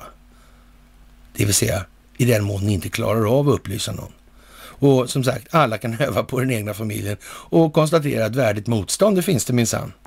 Ingen blir profet på sin egen gata på en förmiddag. Det är ta med fan helt säkert. Och som sagt, det är lite av dilemmat i det där som gör att man tröttnar mellan varven lite grann. Men numera har vi varandra och då går det så jävla mycket lättare och det är fantastiskt. Det måste man säga. Jaha, då börjar man kratta för den ordnade avvecklingen här hemma då kan man säga när vi befinner oss i klassiskt Wallenbergland då enligt Svenska Dagbladet. Arsenalsgatan 8C intill Kungsträdgården. En adress som jag tror de flesta av er känner till vid det här laget nu. Lustigt nog faktiskt. Och, och jag, jag, skulle säga att det, det är snudd på mm, så att det börjar bli lite ja, allmänt till och med att adressen till, till Investor är där. Och hur som helst, i de här sammanhangen så är Mikael Kreskov då en rättssäker lirare för han häller upp kaffe i ett mötesrum på plan 5. Hans CV är svårslaget bland svenska företagsledare. Alltså VD för Atlas Copco 91-98, Electrolux 99-2002, Ericsson ordförande då 2002 till 11 och ordförande för Unilever då 7 till 16. Och han är bekymrad över utvecklingen i Kina har åsikter om elförsörjningen i Sverige och brinner för ledarskap. Och eh, det här är han det här, här han sätter full fart när vi träffar, när SVT träffar honom. Och eh, ja, sen kommer det en massa sådana här uh, lite, ja, eh, romantiska grejer som 40-talisterna ska gilla då liksom. Att det inte, allting är inte värdelöst i alla fall. Men, men, men eh, på det hela taget kan man väl säga så här, det handlar om då Wallenberg Investment AB, då ett nytt bolag man har skapat. Det handlar då om att det ska komma nya människor Wallenberg och ta över den här gamla generationens verksamhet. Då. Och det, det, är ju naturligtvis ett steg som är rimligt att ta i det här skedet. Det kan ju inte bara liksom hålla på med någon statlig expropriation där direkt. Då kommer alla skrika som Karl-Bertil Jonssons pappa då liksom. Det är kommunism. Jag har lärt en kommunism i min barm. Va? som nians jävla stolpskott. Den här diskussionen pågår för övrigt på Dagens Nyheters ja, webbsida då, fort, i, nu alltså, i dagarna. Och, och, ja, man undrar ju liksom. De har liksom inte kommit längre än att de inte har fattat. De har inte fattat att, att det här är en jävla kuliss liksom. De, de sitter och lallar i sin jävla sandlåda fortfarande. Ja. Sådär. Och det är lite pinsamt kan jag tycka faktiskt att vuxna människor inte kommer framåt bättre här. Och, ja, det, det, är inte svårt att se vilka som gjorde vad och varför i de här sammanhangen under den geopolitiska utvecklingen fram till nu. Alltså kom igen nu, det är inte svårt. Fan med internet så tar det minuter alltså. Det är fan inte fråga om timmar ens alltså. Ja, och eh, det här gänget som håller på här, de har ju en del ansvar naturligtvis som de ska stå för. Och, och det kommer väl Eh, innan det här är klart så kommer det, det kommer ju ta lång tid och mycket av de här strukturerna kommer ju bara att försvinna helt enkelt. Det kommer inte och, och, situationen för samhället som sådant ur ett ansvarsperspektiv kommer med all sannolikhet att växa som till en följd av det här och det kommer ännu mera kommunistiskt. Men eh, eh, de får nog fan kamma till sig lite grann. Är de inte beredda att ha det kalla kriget så måste de acceptera att ha ett, eller Eh, det fria kriget, då får de acceptera att de befinner sig, har ett samhälle då och då måste det finnas sådana former som gör att det här samhället åtminstone inte ska premiera att man slår ihjäl varandra eller svälter ihjäl varandra eller pinar ihjäl varandra på något annat sätt bara för att man tycker det är roligt eller man tycker man tjänar på det. Så att säga. Det, det är lite av poängen. Och det där kan ju kanske med svenska ögon kanske för till, eller ja, ses som lite udda sätt då. Vad, då måste man få göra liksom? Måste få tjäna en shekel liksom. Ja, men det där är liksom löjligt och eh, Ja, det här är på väg ut för helt enkelt. Det rullar lite lutar, något så in i helvete. Och ja, det är verkligen speciellt. Och eh, ja, det är ja, alltså klimatkollen i Expressen. Nej, jag tror vi skiter i det helt enkelt. Alltså det, där, det är lite för off nu. Vi släpper den helt enkelt. Alltså det, det är ingen som vi behöver inte förklara att det är klimatbluffar och sådana här grejer. Det tror jag vi fattar. Och eh, ja, ja, Elon Musk då, han är bra som han är och han är riktigt conman. Och han ska rädda haven då med fejkat valbajs då. Och det kan man ju tycka att det borde ju få en och annan att ta sig för pannan liksom och tycka att det här verkar väl dumt alltså. Ja, sådär. Och det är koldioxidfällor och sådana här grejer. Och ja, det gäller att hålla igång lite grann på den kanten också för de som inte de här 80 procenten då som absolut vägrar att bry sig om, om någonting annat än fredagsmys på svensk television och, och på Bingolotto och Mello och de här prylarna alltså. Jaha, och det är dags att eh, sätta immaterialrättsliga aspekter på semlor och lussekatter och kanelbullar och de kan få EU-skydd nästa år. Och ja, patentsemlor alltså, vilken lycka för alla svenska bagare. Och, och, det är tur faktiskt att EU visar kraft och beslutsamhet i viktiga frågor nu, får vi då säga lite torrt. Men, men eh, ja, hur är det egentligen det här med materialrätten alltså? Är det någonting som är, är det bra? Har det gynnat samhällets utveckling? Väldigt mycket. Och det finns till och med varumär, varumärkesprofessorer då. Det är fantastiskt. Det är en bra titel i, i vad som komma skall. Det får ju, en sån får ju faktiskt att eh, ja, en professor i planekonomi, det framstår ju som ett veritabelt geni, alltså en hög intellektuell prestanda på en sån. I jämförelse alltså. Mm. Kreditjurist är en annan fin grej också. Det måste vara liksom prylen att stoltsera med. Mm. Ja, ja. Det är, ja, tro, försoning och ständig entusiasm. Världen hedrar Desmond Tutu. Ja, vi lämnar ju Desmond Tutu tycker jag, för det är vad det är och Eh, ja, Talibanerna däremot har upplöst den kommission i Afghanistan som överser valprocesser i landet, rapporterar AFP. Enligt en talesperson för talibanerna, Bilal Karimi, finns det inte längre något behov för sådana kommissioner eh, att finnas eller verka. Visst eh, är det något med dessa val runt om i världen faktiskt. USA, Burma, Myanmar, Vitryssland, Belarus Chile, Afrika och så vidare. Så här. Och kommissioner, organisationer som förespråkar demokrati, alltså det är fantastiska eh, sådana här. Men, men eh, inte helt sällan ertappade med någon form av så att säga, moralisk småaktighet skulle vi kunna säga, så håller vi oss lite på mattan i uttrycket i alla fall. Och, och typ Sida då, FN och EU och här, alltså det verkar ju vara lite mönsterbetonat. Och, och, ändå, och de här organisationerna i sin tur då de verkar ändå ha någon form av anknytning till Arsenalsgatan 8C de också i och med de här globala företagen då som finns där. Eller är det inte så? Är det på något annat vis? Vad är det andra nyttotagare som vi inte ser? Sådana här dolda rymdödlor kanske? Eller judiska Rothschild-konspirationer eller något sånt där? Nej, jag vet inte. Jag bara undrar alltså. Så. Ja, osäker. Jag frågar åt någon annan helt enkelt. Ja, ja, ja, ja, ja. Jaha. Det kan ju vara så att det inte behövs några fler sådana här nu.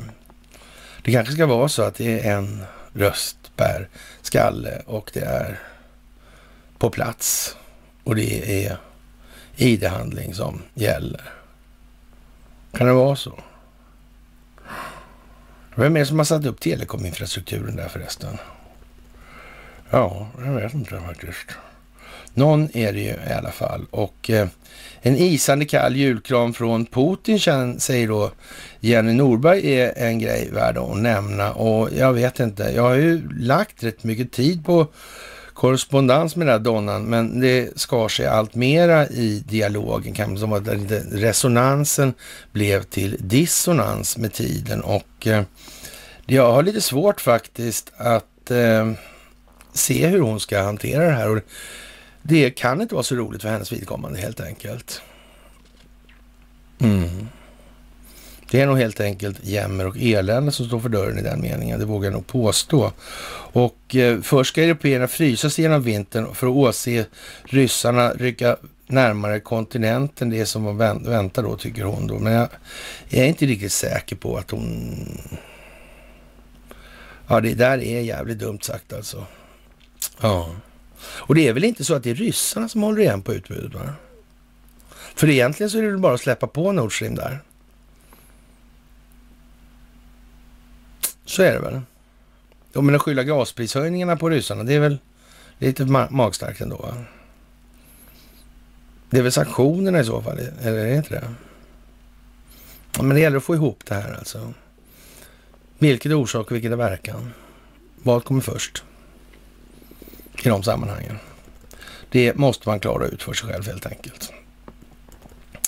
Ja, och eh, vi har haft många, så att säga, lediga dagar nu, hela två faktiskt då. Och det kan man ju minnas i de här lägena. Och, och när då den här, eh, vad heter han, David Eberhardt va, börjar snacka om att vaccinpass och åtgärder är hysteriska och onödiga. I Expressen alltså. Mm. Det är CNNs strategiska partner vi snackar om. Hur kommer det där sig egentligen? Hur kan det bara bli så? Mm. Har de inget? De slutat med opinionsbildningsintresse och sådana grejer? De håller inte på med det. De håller på med vad? Det är ingen som vet vad de håller på med. Nej, i så fall så kan det kan ju stämma då faktiskt. Det är väl inte sådär. Ja, det må ju vara som det är. Som sagt, vi redovisade här för leden då att den här situationen i Xi'an där, det är, ja, i nu nedlagda, nedstängda Xi'an då, ett globalt servicecenter. Ja, Ericsson India finns där. Ja. Det handlar inte om att exponera någonting det här med nedstängningarna där och covid och att det är samma företagsintressen som i gensaxen och AstraZeneca och Tedros och så. Det, det, handlar inte om det alls alltså. Då vet vi det. Då vet vi det om det inte gör det. Som sagt. Och ja, 13 miljoner staden är alltså nedstängd då som faktum då. Om det nu är så eller inte, det vet ju inte vi. Men vi, ja, kan man säga i alla fall nu. Sådär. Jaha, och eh, NATO är vad det är och eh, ja, det var nazister som hade tagit över ledningen i Ukraina, påstod Vladimir Putin här för några dagar sedan. Och det kan man ju tycka låter lite dramatiskt, men ja, hur var det där med nazisterna och loggan och ABB och Thulesällskapet och Anne Närbe och Sven Hedin och Himmler och så vidare. Hur var det här egentligen? Det där med Himmler är intressant alltså, vad han tog vägen. Det är en konstig pryl helt enkelt. Tids... Tidspassande helt enkelt. Mm. Man kan också säga så här att det där med Patton är också lattjo alltså. Han behöver ju inte ha varit så jävla naiv alltså. Han kan ju till och med ha åkt dit för att hämta någonting på Örningsholm. Och när han hade hämtat det och levererat det så blev det som det blev. Det lär visa sig, för det finns garanterat underrättelsetjänsthandlingar i den frågan. Hys inga tvivel. Hys inga tvivel om det. Det är helt säkert.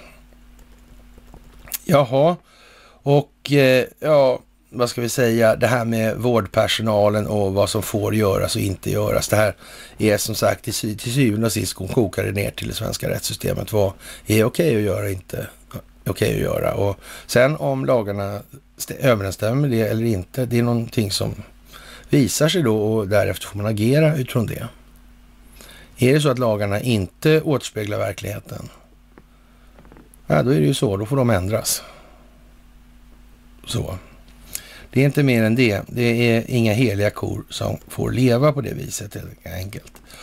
Och eh, ja, vi har ju en eh, situation här hemma också. Det handlar om att restriktionerna inte längre är någonting som bara är om folkhälsa, tycker man då i Expressen. Igen här alltså. Och det är ju inte så att Expressen har bytt ägare eller fått nytt ägardirektiv. Jo, kontrollen är ju annorlunda. Det är uppenbart alltså i de här sammanhangen. Och nu går det här in på en annan bog i så mått. Det är också en bra grej att minnas nu. Och ja, det blir bara som det blir nu. Och som sagt, den här Haijby-affären, den är vad den är och det är en annan väg in i det här med rättsrötan.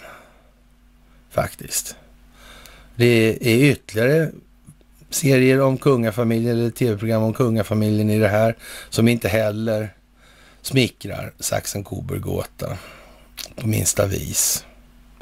Och vad ska man säga, det återspeglar en inte obetydlig moralisk tvivelaktighet förekommande i de här kretsarna också naturligtvis. Och det här kommer bara att bli värre.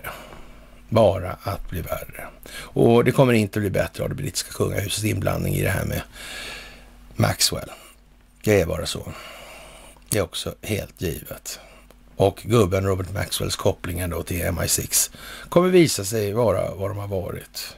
Man kommer också med ganska stor sannolikhet börja någonstans i anslutning till andra världskriget där och var en hel del grejer. Det sägs att MI6 var inblandat i någonting ute på Märsgarn alltså. Det flyger runt en massa grejer i luften på nätet. Fortfarande hemligstämplat av någon anledning. Det handlar om Clas Horn. Clas Uggla i Göteborg. Mm. Ja, det var konstigt. Det har ju naturligtvis aldrig klarlagts vad det var för någonting.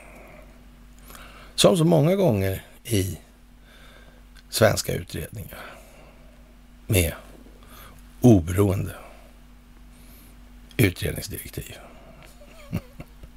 Svenskt, Stockholmsbyråkratiskt, som ingenting annat på hela planeten. Ja, det där är som det är, lite tråkigt kanske. Jaha, och eh, ja, vad ska vi säga nu här? Här justitiedepartementet är där som har hand om tillsynen över Ericsson, som har sagt att Ericsson har brutit mot den här överenskommelsen då. Vilket gör då att nu tar man fram ordentligt istället. Nu kör vi på, på det här sättet istället. Nu håller ni bara käften, annars blir det, det alternativet som ni inte ville vara med om istället. Så nu hålls det käften då kan man säga. Och eh, man håller på med så antitrustundersökningar i, när det gäller Apple och Google då. Och eh, nu kan de inte hålla på så mycket med dem. För, för de har inga pengar, alltså amerikanska justitiedepartementet säger man. Men kontrollen över Ericsson har man ju kvar. Mm. Och Apple har ju börjat bråka om det här med licensavgifter. Mm. Och förlorade en licenstvist just tidigare. Så här. Men den här gången kommer de inte förlora. Det kommer de inte göra, det tror jag inte. Och som sagt, vem är det som sitter på vad här egentligen? Vem bestämmer egentligen allting? Det måste man tänka på. Fantastiskt bra alltså. Ja, och eh, den här brittiska drottningen då, Saxen Coburg Gotha, eller Elisabeth den andra där. Och ja, det är Windsor heter de ju numera, men de hette Saxen Coburg Gotha innan de bytte namn då 1917 har jag för mig det var. Beväpnad man griper nära drottningens julfirande och det kan man väl eh, tycka är lite märkligt kanske. Och ja, vad är det man vill säga egentligen här? Det är ju lite konstigt. Lite märkligt kanske. Mm. Eller inte. Jaha. Ja, ja, och eh, ja, det är dagar kvar till det här stora nedstängningsförbuds nedbrytningstralala i England alltså. Boris Johnson gråter tårar, störtfloder bara med krokodiltårar. Eller inte så kanske. Ja, och är det många som tror på det här fortfarande? Ja, det är ju tyvärr några stycken, men det blir i alla fall bättre numera. Jaha, och eh, svenskt sjukhus spelar nyckelroll i vaccinstudier då. Och ja, Sörmlands flagga då är duktiga på vaccinstudier, höll jag på att säga, men eh, säger Lars Rombo, professor emeritus vid infektionskliniken på Mälarsjukhuset och han har varit knuten till Umeå universitet i Wallenbergstiftelsen alltså, och, och WHO Tedros har lite grann att, att göra med det där också. Så ja, som sagt, förhoppningsvis spelar det en viktig roll i vaccinstudierna som presenterades tillsammans med USA. Ja, är det inte fantastiskt hur vilka framträdande roller som svenska företag kan ha i de här riktigt stora sammanhangen. Det tycker jag är fantastiskt. Jag tycker det är tjusigt. Bra liksom, tryggt på något vis. Sådär. Jaha, och eh, ja, det här med militären anklagats för, sex, med, för sexuellt våld som vapen. Vad är det där för någonting egentligen? Vad är det där för någonting? Vad är, vilka effekter skapas av vad och hur? Alltså, tänker man igenom det där så, eller rättare sagt, vi, har vi har råder er att tänka igenom det där, vad som är rimligt då liksom. Ja, man, eh, det är ungefär som man gör i eldöverfall på eh, en fordonskonvoj på en väg då. Ja, när de har passerat en viss punkt, då blåser man av reträtten helt enkelt och sen blåser man det framför dem också. Mm. Så, och så stänger man in den så står den still och har sig där. Det kan mycket bättre att ge sig på den där då. Det är ingen risk om det var så här att då skulle man inte ställa ut ett par kärringar, ungefär som man åtlar en mat för vilda djur alltså. Det skulle man inte komma på. Nej. Äh, man vet ju inte. Det är ju som det är liksom. Den där storyn är någonting som inte bär trovärdighetsprägel i allt för stor utsträckning och omfattning. Ryssland flyttar 10 000 soldater från Ukrainas gräns. Det är inte som Jenny Norberg säger att de har skickat dit och, och vad hon nu drog till med. Om det, var, om det var 145 000 eller om det var 500 000 eller var något helt... Ja, men och, och det måste ju hon veta också. Att de här siffrorna som hon drar till med, det är ju den jävla skiten.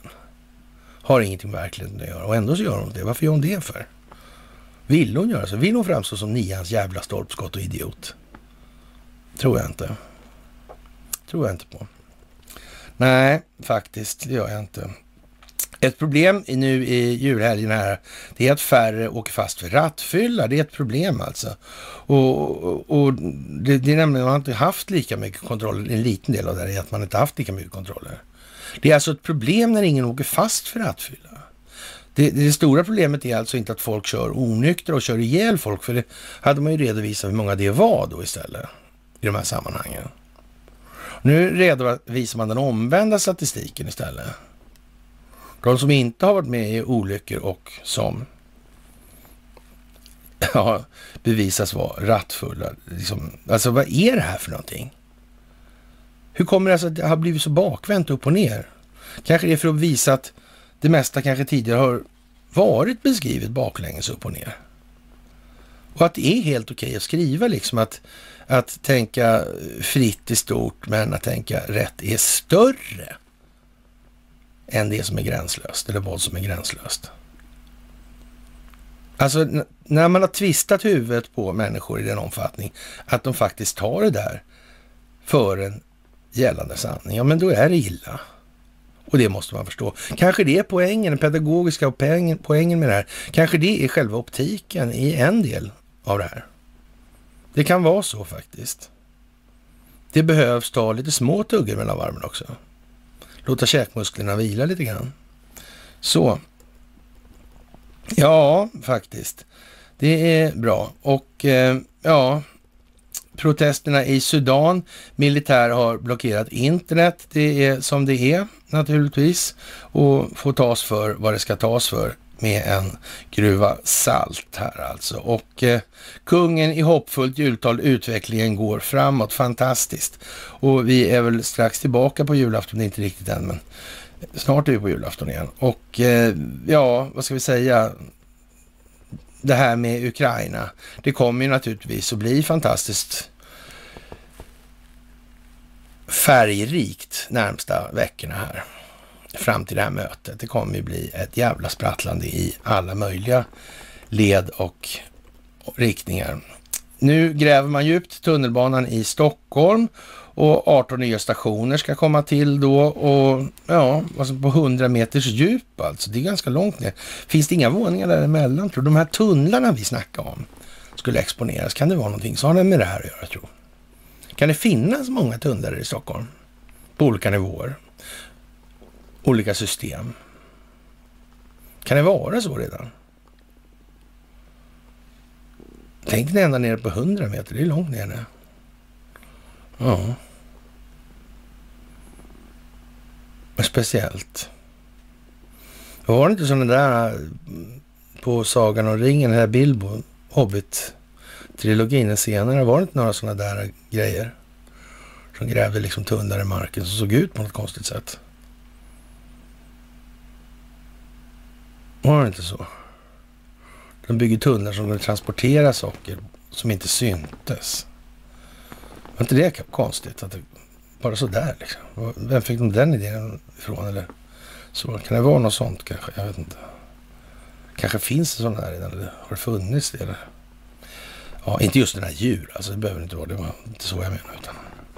Ja, ja, men ni förstår säkert ungefär vad det rullar åt för håll och dit kommer det garanterat att luta. Helt säkert. Jaha. Och eh, som sagt, kollegor på myndigheten grät av förtvivlan alltså. Ja, det här med ekobrottsmyndigheten och den verksamheten som bedrivits där, den är väl vad den är kort sagt.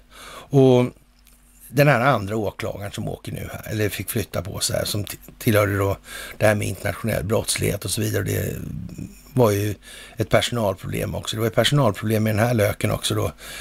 Ja, chefsåklagaren Stefan Lundberg då eh, i de här eh, sammanhangen. Det, vad är det där för jävla lirare liksom? Och hon nya chefen där som blir osams med hela personalen. En hel personal som har betett sig så jävla oskickligt. Så ja, Riksrevisionen som är tvungen att göra sitt jobb för första gången någonsin är, är tvungna att säga, ja, det är väl liksom lika bra att lägga ner det här mer eller mindre. Ja. Och hon blir osams med hela personalen, obegripligt, världens bästa personal, på att inte åtala folk för någonting och inte göra varken det ena eller andra på rätt sätt. Det är ju verkligen sensationellt. Hur kunde det bli så? Ja, handlar om svenska rättssystemet. Det handlar om Stockholmsbyråkratin. Det är ta med fan inte kärnforskning det här nu. Det är exponering. Det är optik.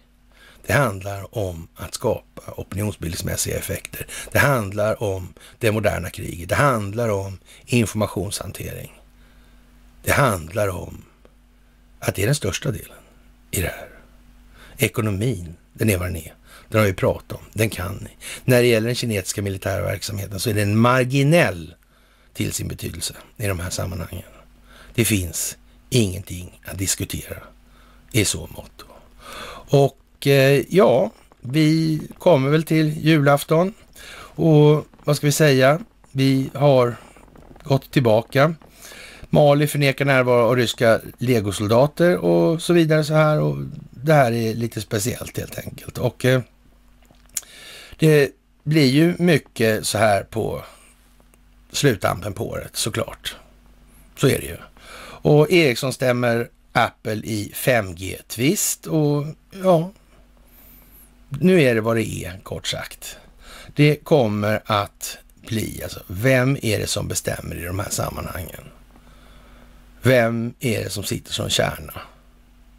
Vem är det som kontrollerar telekominfrastrukturen? Vem är det som kontrollerar kraftförsörjningen över stora delar av planeten? Hur kommer det sig att andra länders regeringar, statschefer, har varit så imbecilla under så lång tid med så mycket till men för den egna befolkningens bästa och för att gynna de här svenska globalistintressena. Hur kommer det sig? Är det en slump? Eller är det en konsekvens av institutionaliserad korruption? Konst, en konstitution i ett land eller ett land vars lagar och rättssystem möjliggör den här typen av beteende utan utkrävande av ansvar för någon part. Allra minst de inblandade nyttomaximeringsintressena. Kan det vara så jävligt? Går det att skita i de här sakerna? Kommer resten av världen att skita i de här sakerna? Vad kommer resten av världen säga att om de ser att vi inte bryr oss om de här sakerna? Kommer de tycka att vi är rätt så bra och pålitliga typer som inte främst ser om vår egen plånbok?